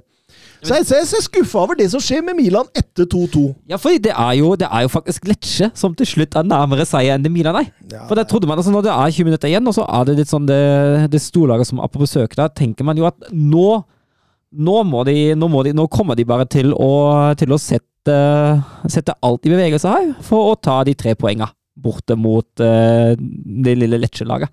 Og det, det skjer ikke helt. Nei, det er et eller annet som mangler med Milan om dagen. Ingen tvil om det. Jeg syns også det var skralt, det, det Inter viste på mange Ja. måter hjemme mot Hellas Verona. Men da, altså, da, har du, da har du et litt annet kampbilde, da. Du har jo den tidlige ledelsen eh, ved Lautaro Martinez, og så møter du et Hellas-lag som er såpass harmløse som de viser seg å være i hele kampen. Og, altså, det ser jo nærmest ut som at Inter vinner den da på 80% ja. det, det gjør jo det. Altså, det, er en, det er ikke en god kamp av Inter. Jeg er helt enig i at det ikke er en god kamp, men Men, men, men det som slår meg, da, er hvor ekstremt mye dårligere Inter har blitt på overgangsspillet kontra de var for et par år sia. Altså eh, det, er, det er liksom De, de, de klarer Altså Hellas Verona går jo ut sånn halvhøyt uten aggressivitet, og det er veldig lett for Inter å spille av det presset. Og så, så åpner det seg rom inn bak der som de, de skal gå i, da. Men, men, men det er liksom Når Dumfries sitter på, på benken Det er liksom ingen Lukaku der framme som kan liksom løpe i stykker laget. Du har ingen Perisic på andre sida. Det går mye småere framover, da. Som gjør at Hellas Verona ofte klarer å å komme tilbake der. Altså det, altså det er veldig lite Inter produserer av målsjanser. Også, de, er, de har ikke den hurtigheten lenger heller. Det er det som, som I forhold til kontringsbiten, så Det å gå hurtig i bakrom, eksempel, er ikke alt alternativ lenger. Nei, absolutt ikke. Men det er litt for påfallende nå i forhold til Martine, som var så svak for Argentina under VM, og så kommer han tilbake igjen til Inter, og så skårer han, skårer han med en gang. han, eh, han formdupper til ja, avhengig av perspektiv aktuelt rekt eller, eller feil tid, da. Ja, Han er jo angrepet. ja det, er, det er litt. Mm. Men der er han jo nummer én, ikke sant? Det er han jo ikke i Argentina. Mm. Nei, eh, og, og du merker det også. Hjemmefansen begynte å bli litt oppgitte mot slutter, slutten der. og Nei, det, det ser ikke veldig bra ut der heller. altså, Så nå har du liksom et Milan som ikke helt er på topp. Du har et Juventus som røyk på 5-1 mot Napoli. Man har et Inter som ikke helt uh, finner ut av det. altså jeg tror det kan bli tett jeg, bak Napoli der etter hvert. Det er ikke umulig, det. Ja, så er det flere. Det er de sju vi så for oss før sesongen, og alle de ligger jo helt, helt i ryggen på hverandre. der. Atalanta vant Ja, jeg så 8-2. det. Det var noen sånne fantasitall. Vi kom jo til et par kamper i, i Ligue Ø hvor det blei noe ordentlig seier, altså. Ni mål på en time spilt der, og, og da hadde også Coop Miners i tillegg bomma på et straffespark. Eh, Det var en spinnvill kamp. eh, Første gang Atalanta skårer åtte i en Serie A-match. Sist noen skårte åtte i en Serie A-match, var Inter mot Padova tilbake i 1996. Da ble det også 8-2. Og siden Gasperini tok over Atalanta i 16-17-sesongen, har de skåret sju mål eller flere hele fire ganger. Eh, det neste på lista da, de har én. Det er Milan, Lazio, Inter, Napoli og Juventus. og Alle klarte det én gang hver. Eh, og, og, og det er litt spesielt på grunn av Atalanta, som har blitt litt mer forsiktige denne sesongen, da, kontra de har vært tidligere. Men Jeg, men jeg så også XG-en til Atalanta i den kampen var på to De traff på alt, Ja, det var det litt det jeg skulle fram til. da, at alt, utenom straffesparket. Og det er 7,07 eller noe sånt, så det, alt, har jo, alt går jo inn, liksom. Så må vi ta med at Roma slo Fiorentina 2-0 etter to skåringer av Paolo Dybala. og det, altså det, det er så stor forskjell på dette Roma-laget med og uten Dybala. Ja, men så blir jo også Santos utvist tidlig der, så de spiller jo mot ti mann i halvannen omgang. Men, men Dybala først en klasseskåring etter at Abraham legger igjen, og så Igjen så er det Abraham som er tilrettelegger på 2-0. Da får han jo åpent mål, så det var, eh, det var grei skuring til slutt for, eh, for Roma. Dybala, siden hans første mål utenfor boks i 2015, er det ingen i topp fem-ligaene som har flere mål utenfor boks, hvis du ser bort fra Lionel Messi. Ofte man må se bort fra han. Ja, Er, er ikke det litt dårlig gjort? Ja, du må, du må det. Fordi han har så mye av disse rekordene. Så det. Vebjørn Fredheim blei Serie A i praksis avgjort denne helgen. Det er jo ni poeng, og det er jo fortsatt en del å spille, men jeg har litt større Altså, det, i utgangspunktet mener jeg jo det samme om Serie A som om Premier League, at det er litt tidlig å kanskje dele ut gull, men Vi deler ut gull. jeg har litt, vanske, litt større vanskeligheter med å se for meg at uh, noe, noe annet lag inntar Napoli, og det, det skyldes litt de ujevne prestasjoner bak, og så føler jeg at Napoli alltid har større marginer å spille på enn lagene bak. Det skal mye mer til uh, for at Napoli ikke vinner en kamp enn for lagene bak. Uh, så jeg, vet, altså, jeg jeg er litt enig med Vebjørn Fredheim. her, Ja. 80-20. 80-20. Jeg vil faktisk gå på 95-5, altså. Ja, jeg vurderte 90-10, faktisk. Jeg gjorde det. uh, ja, og, og jeg er helt enig med deg, Søren, her, fordi altså Det nivået til Napoli Det er det liksom på en måte ingen andre av de bak som Men du veit at det nivået har City som det Arsenal driver med. Så det er, det, det er litt der man er, da. Men eh, altså, jeg, vi deler ut det gullet, vi. Gratulerer. det var på tide. Det er lenge siden sist. Vi er eneste som deler ut et seriegull midten av januar. Det er deilig. Eh, vi går til eh, League Ø. sur la frappe de Messi de, De de Mercado, Mercado, oui. Mercado, et, et là aussi on a un petit peu de réussite. Griezmann sur l'appui, c'était bien joué avec Giroud. Oh, Sylvain Oh, Sylvain, il l'a vu Oui. Kylian Mbappé Kylian Mbappé, il l'a vu Ça fait 4 Et ça fait peut-être un quart de finale pour l'équipe de France 68e minute Oh, la joie collective parce qu'ils ont tous jailli du banc pour aller saluer cette passe décisive géniale de Giroud et ce doublé Ja, sent søndag kveld så dro Paris Saint-Germain til Rennes for å spille fotballkamp, og Galtier han eh, hvilte Mbappe. Dermed fikk Messi og Neymar med seg Hugo Ekitike på topp, eh, men snakkisen var jo at eh, Varan, eh, Varan Saire Emery startet eh, i en alder av 16 år, og det er jo en gavepakke for oss som digger talenter, når det blir en ren duell mellom Saire Emery og eh, Desire Doué. Eh, to av de største talentene i, i ligaen på svært, svært lenge eh, renn. Med tunge forfall. Martin Terrier, dessverre, ute med lang tid med kneskade, og Bordeaux var, var suspendert. Men PSG har ikke slått eh, rennet borte på de tre siste. og Nei, og det er jo det laget som har slått PSG oftest i QS i tida. mm. Altså, jeg føler du kan trekke ganske mange paralleller fra den kampen her til den PSG-kampen borte mot Lans for to uker siden. Eh, Trykk på hjemmefansen, et hjemmelag som, som spiller med mye entusiasme, eh, og et PSG-lag som, som sliter med å få i gang det offensive. Og, og de hadde også problemer i perioder i frispillinga si. Ja, absolutt. Jeg syns renn åpner meget godt. Eh, presser sånn halvhøyt, men svært, svært aggressivt. Eh, etter hvert så senker de seg noe og lar PSG ha ballen, men er veldig aggressive opp. 100% i duellene og skal vinne ball og kontre. og det, det, det, det, fungerte jo strålende. Det er tett igjen sentralt. Og så er det jo en gavepakke da for lag som liker å presse litt høyt med jevne mellomrom, at Mbappe ikke spiller.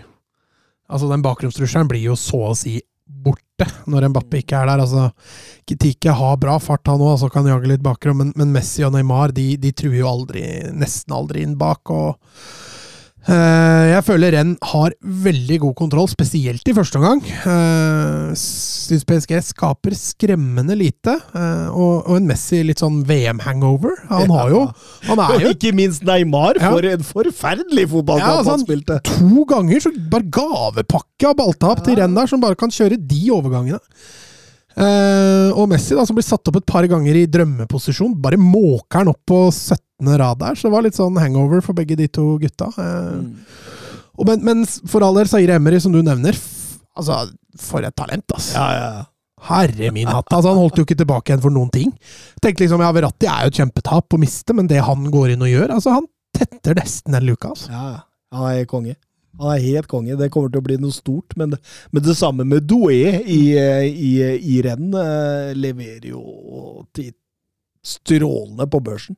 Ja, det blei jo en litt sånn talentmatch også, eh, når Doku også kommer inn der etter hvert. og og eh, ja, ja, nå begynner jo PSG. De setter jo ikke ut på talenta sine etter hvert, her da, for de trenger jo mål. Så der kommer jo Hakimi og Mbappe og Fabian og, og Carlos Soler. Og så de måtte jo litt andre veien, da.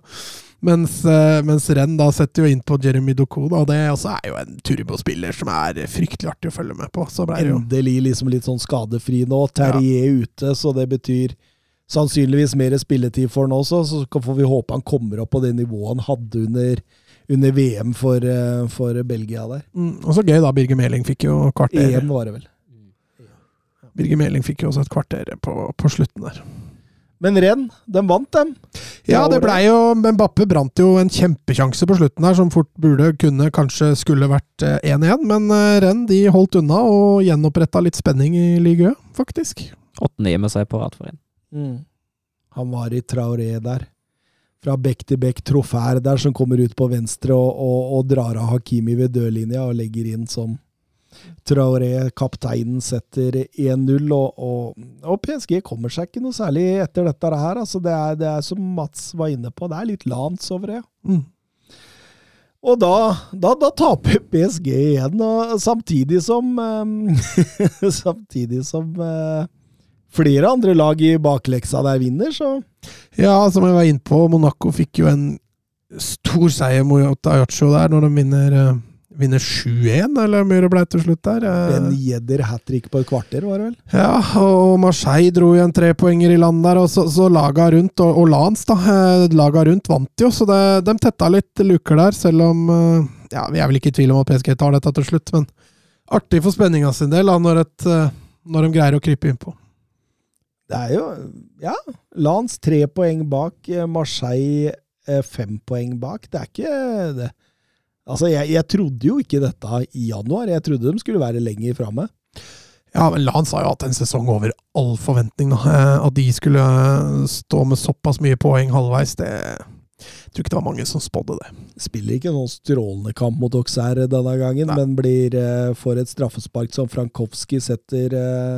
Og det er nok, det. Og så, må vi jo ta med oss da, denne Will Still og, og dette er Rem som Ja, ja, altså ok, han eh, fikk 0-0 mot NIS hjemme, men er fortsatt ubeseira. Det er sterkt, altså. Og nå er han vel bare en sju-åtte poeng unna å være safe. Og det, dette var et NIS altså, som har sparka Lucien Favre, fått igjen Didier Digar, som vant 6-1 i sin første kamp eh, mot eh, Montepiller. Så og, og fikk løsna litt på det hva kan du si, det, det som bor i NIS, da, for det er ganske mye. Ja, altså, De ligger jo A-poeng på tabellen med NIS og Lyon, så de, de, de har jo, men det er klart de to har jo underprestert litt, da, men eh, Ja, Men det er, det er, det er voldsomt, da, Will Steele. Mm. Det er voldsomt. Det er morsomt at han Han taper ikke en kamp, han. Nei. Eh, ekstremt eh, spennende. Um, neste manager til Chelsea, tror jeg kanskje? Jeg klarer ikke helt å ta han seriøst ennå. jeg kjenner det faktisk. Um, nei, skal vi gå over til Europa, Jørn? Kjør. Bra jobba, gutta! Bra ball! Nei! Ah, grei offside. Tor Håkon, den er grei. Tor Håkon! Nei, Tor Håkon, det var din egen skyld. Ikke bli sint for det, i hvert fall. da. Tor Håkon, ikke kjeft på dommeren. Og ikke kjeft på dommeren. Tor Håkon, nå hører du på dommeren. Er hver gang, altså. Hver gang. Ja, mm, det, er vel, det, det, det er vel unødvendig å si at uh, Mats har europahjørneferie fram til april. Ja, jeg kan nevne at eh, Lillestrøm har begynt, å kjøre, begynt oppkjøringa si og har dratt til Granca. eh, I likhet med veldig mange andre eliteserielag, så de eh, koser seg i, i, i varmen. For eh, oss dødelige, da, som må sitte her hjemme og fryse. Det, det var det med Lillestrøm. Eh, Ajax, Søren, jeg veit de sliter. Eh, De sliter. Hjemmekamp mot Tvente. Eh, nevnte jo Tvente i forrige uke som et av de lagene som har sneket seg inn i den topp fem-gruppa. Innen rekkevidde til serieledende Feyenoord, så ikke nødvendigvis en enkeltkamp, men likevel en kamp der Ajax skal være favoritt. Det starta med at Tvente etter fem minutter setter inn i stolpa. Etter seks minutter setter inn i stolpa. Etter syv minutter runder runder van Wolfswinkel egentlig keeperen for en litt for lang touch, slik at en forsvarsspiller får klarert, og da begynner publikum å bue. Der har de fått nok. Eh, Ajax eh, skjerper seg litt, eh, skaper noen sjanser sjøl, men etter 32 har egentlig van Wolfswinkel spilt gjennom. Uh, Rensch som bakerstemann feller ham utenfor boksen, blir utvist, skader seg i samme situasjon, så han får det røde rett før han skal bli båret av banen. Eh, og Ajax må og Ajax må fortsette en kamp med ti mann. Um, det er litt sjanser begge veier, Uh, men det er ikke noe tvil om at Tvente er det laget som er nærmest seier her. Likevel ender det 0-0 uh, i en uh, ikke voldsomt eh, sjansepreget fotballkamp. Og idet kampen blåses av, så begynner publikum å pipe og bue igjen. Um, jeg har sagt det før, det, det mangler noe i det Ajax-laget der også, sammenlignet med Ten Hag. Og jeg har egentlig ikke noe tro på at Alfred Schreuder sitter der neste sesong. Men leste jeg riktig at eh, Peter Bosch er rykta til Ajax? Jo, jeg så det ryktet! Ja, mm, det hadde ikke forundret meg, men eh, altså Han blir aldri ferdig, han. Nei, eh, men ja. Må ødelegge lag, da. ja. Og land. Nei, men eh, som sagt, hvis, hvis uh, Schreuder sitter neste sesong, så er jeg faktisk fått som overraska. Dette, har- dette, har- dette ser ikke bra ut, altså. Det gjør ikke det. Det er, det er så langt unna det Ajax-laget som vi så i fjor under Ten Hag. Eh, varierer så voldsomt i prestasjoner. Altså, det er jo fortsatt et lag som i hvert fall denne sesongen har skåret ganske godt, men har kommet litt sånn dårlig ut av eh, VM-pausen og Nei, det, det ser ikke lovende ut. Underpresterer, etter min mening, med det laget de har. Uh, Feyenoord, serielederen, de vant uh, 3-0 borte mot Groningen. Eh, PSV spilte eh, mot, borte mot eh, Fortuna Sittard. Spilte nesten en hel omgang med én mann mer, men et straffespark ni minutter på overtid sørget for at den kampen endte 2-2. Uh, og det siste laget der oppe, AZ, de vant borte mot Heerenveen 2-0. Uh, på tabellen er det Feyenoord med, leder Feyenoord med 37 poeng. AZ på andreplass med 33. Ajax og PSV A-poeng med 32, og Tvente på 31 poeng. Og neste runde er det Feyenoord mot Ajax. Jeg ser Holmgren Pedersen spiller jevnlig på, på Feyenoord. Ja. Og han Dybvik, som gikk fra Ålesund, sp- spilte for Groningen. Så Mm. det er mye nordmenn som blomstrer litt i nederlandsfotball. Ja, og forhåpentligvis er det en nordmann som skal blomstre litt i eh, Benfica etter hvert også. To. Benfica tok imot Sporting. Eh, ingen Andreas Schjelderup eller Kasper Tengstedt i troppen, naturligvis, det var litt tidlig, men Fredrik Aursnes eh, var i elveren. Eh, det samme var også januarmånedens største snakkis, Enzo Fernandes. Ganske jevnspilt foran 62 295 tilskuere, så det var, det var voldsomt lurveleven der. Det var jo toppkamp, og, og Benfica kommer under etter 21, nei, 27 minutter etter et selvmål av eh, danske Ba. Eh, Blir liksom skutt på inni, eh, inni boks der, og, og ballen skifter retning via Otamendi og treffer Ba der. Så det, han har litt uflaks der, men, men de går, går 0-1 under. Sporting leder, og, og Nei, Benfica tar mer og mer over etter det. Ramos eh, av navn Gonsalvo til, fornavn, han setter 1-1 eh, eh, rett før pause. Nydelig scoring, forresten, hvor han en sånn typisk spissbevegelse, hvor han bare tar seg inn foran stopperen og setter den i nærmeste etter et innlegg. Det er vel Inazio der som ikke ser han kommer.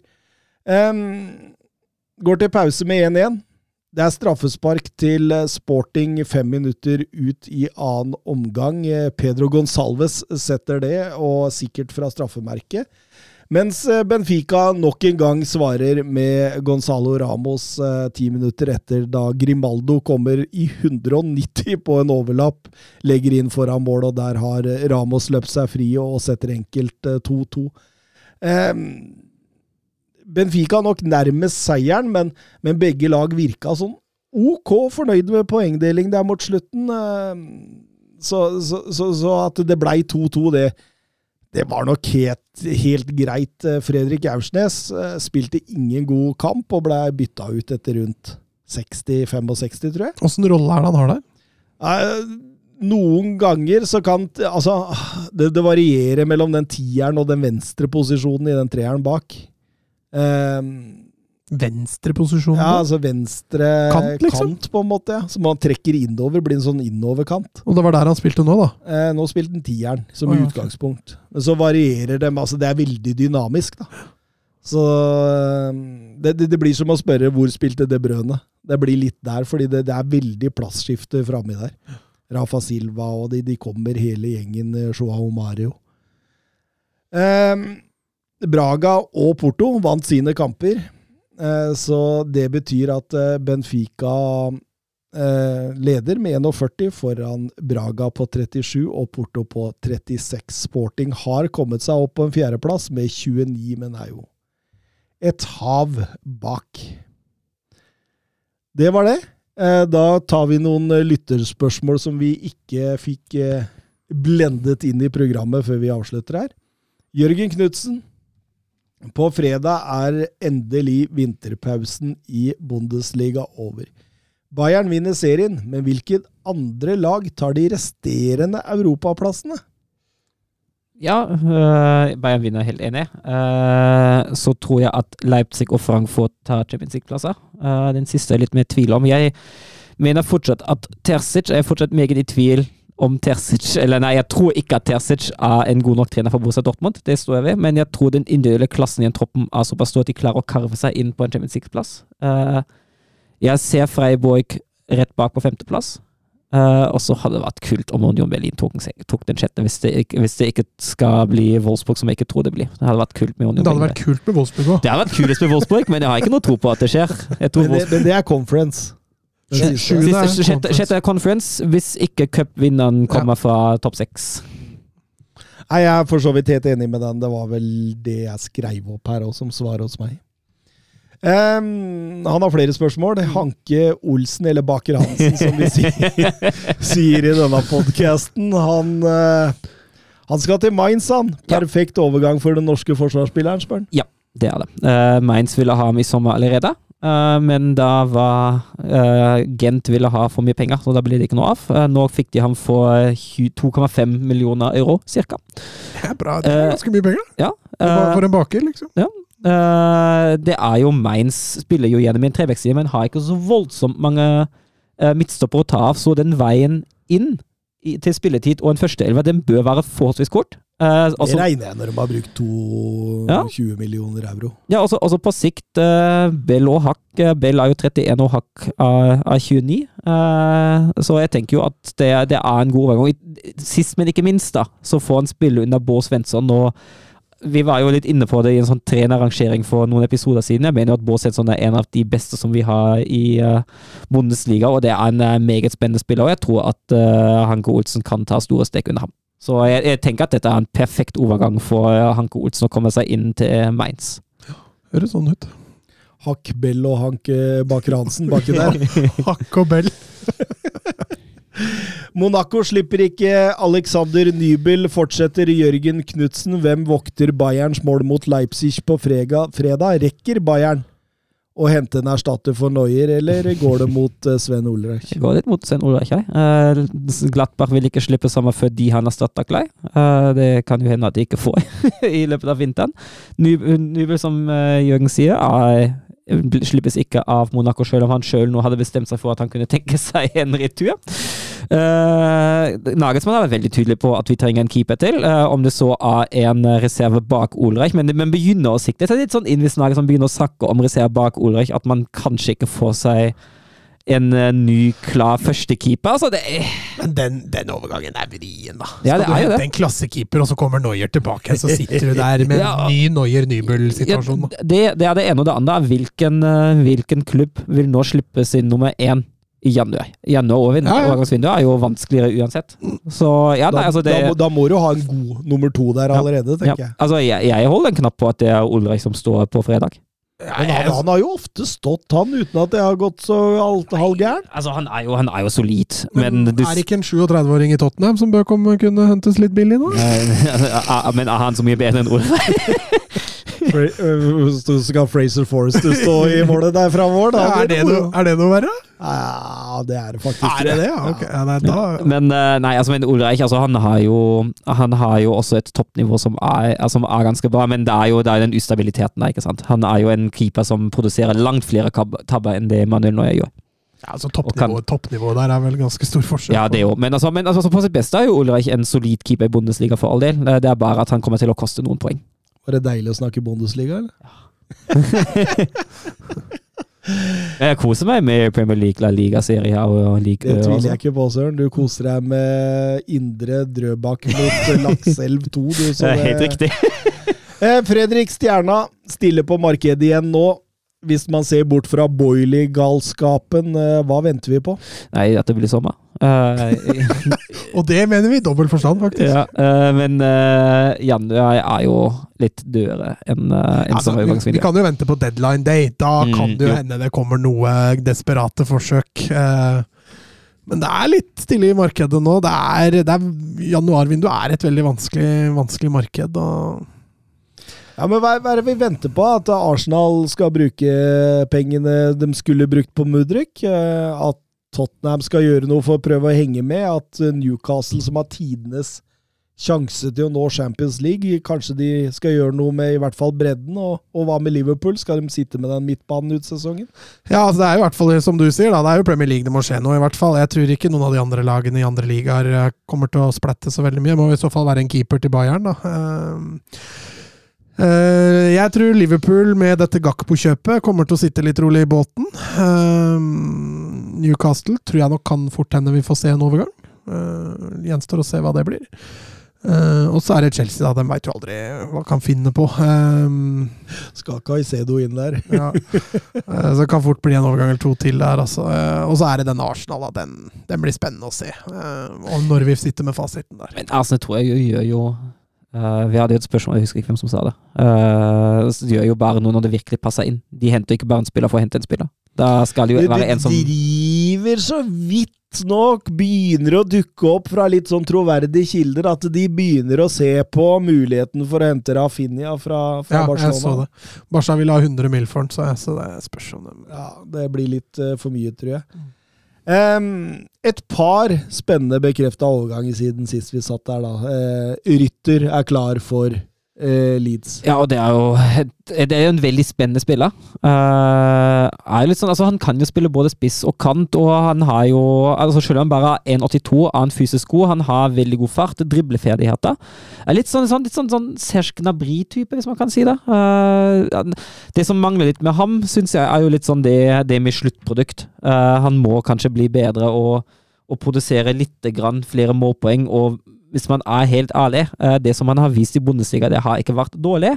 Men det har heller ikke vært, uh, hvis man ser Kajan i Bundesliga under ett, det har jo heller ikke vært uh, 40 millioner 40 millioner euro som, som man nødvendigvis kan rettferdiggjøre der, men det er jo potensialet som, som Leeds får, og det kan bli veldig spennende. Han står med 11 mål og 6 assist på 57 kamper i Bundesliga. Men for all del en spennende spiller med voldsomt potensial av alle spillere i topp fem-ligaene er det kun Lionel Messi Nok en gang, Mats. Se bort fra Messi. Som står med flere vellykka driblinger denne sesongen. Ja, det overrasker meg ikke. Han er jo, han har, han, dribling er en av de store styrkene hans. Og så kom det også en eh, nier til Aston Villa. Uh, Ja. Nå ser du på meg som jeg burde vite det. Nei, ikke nødvendigvis. Altså, det er eh, John Duran, som eh, er en eh, spiller som kommer fra Chicago. 19 år, allerede colombiansk landslagsspiller. Herlig fysikk, rask, eh, bra med målpoeng i MSL. Ehm, spennende signering for all del. Kommer for 16 millioner euro fra Chicago til Aston Villa. Du, Det har jeg lurt litt på, fordi i USA så har de andre måter å, å kjøpe spillere på, for der drafter man jo og sånn. Men når man skal hente dem til Europa, så kan de kjøpe dem ut. Du veit ikke noe mer? Nei, det? Nei, eh, ikke annet enn at uh, man kjøper mye ut Mm. fra USA for tida. Det går jo spillere fra MSL hele tida nå. Mm. Så det er åpenbart at det har blitt en marked de store klubbene ser til. Um, av overganger som jeg tror kan skje i løpet av kortere tid, eh, i løpet av nærmeste tida nå, da, så er det Depay tror jeg kommer til å gå. Enten til Inter eller Atletico Madrid. Jeg tror Sarabia kommer til å gå til Wolverhampton. Jeg tror eh, Danilo, denne unge defensive midtbanespilleren eh, fra Palmeiras, eh, ikke Juventus Dalmi, det, Danilo, kommer til å gå til Nottingham Forest. Det ser ut som Dango Kotara fra, fra Lorea mm, går til Bournemouth. Venstrekant. Eh, nydelig eh, teknikk, nydelig sånn finterepertoar. Blir liksom en sånn ah, Tenker litt sånn Danjuma tilbake i, i Bournemouth. Da står, står faktisk med tolv målpoeng for Loria på 18 kamper denne sesongen. Og så ser det ut som uh, Onai. Onai. Onai. Eh, kan eh, følge Rutter til eh, Leeds. Eh, Soyanshu til eh, Atletico. ja, for all del. For all del. Nei, jeg bare spør. Jeg, har er ikke hørt, det er- jeg jeg har ikke hørt noe Nei, nytt der. Er det ikke det jeg har hørt heller? Har ikke hørt noe nytt der, altså. Jeg hørte at eh, PSG er på tyramjakt. eh, Både eldre og yngre bror. Tyram Ikke far, altså? Nei, ikke far. Kan være på vei til PSG, men eh, sannsynligvis til sommeren. Wolfsburg har kommet til å hente Nicola Kotza, en venstreback fra Montpellier. Enten, enten i vinter eller seneste sommer. Men han er klar. Ung, eller? Mm? Ung, ja. Ja, 20, 24 han vel. Så skal visst Westham også prøve seg et, eh, med et bud på Terem Moffi fra L'Oreal, og da, da tenker jeg jo det at eh, det gir jo litt sånn mening, for det, det er vel uh, Må jo være barnet til Michael Antonio eller et eller annet sånt der. i- Så han blei kjønnsmoden i en alder av åtte år, han altså, Mikael Antonio. det, er, det er jo helt lik spillestil. Helt lik. Nei, Nei jeg tror vi gir oss her, gutta. Jeg er på tide nå. Ja. Klarte å bikke to timer nå, gitt. Det, det gjorde vi nok. Det gjorde vi nok. Det er vel ikke noe annet å si enn Hva skal vi si? Sjalabais? Uh, adjø. Auf Wiedersehen.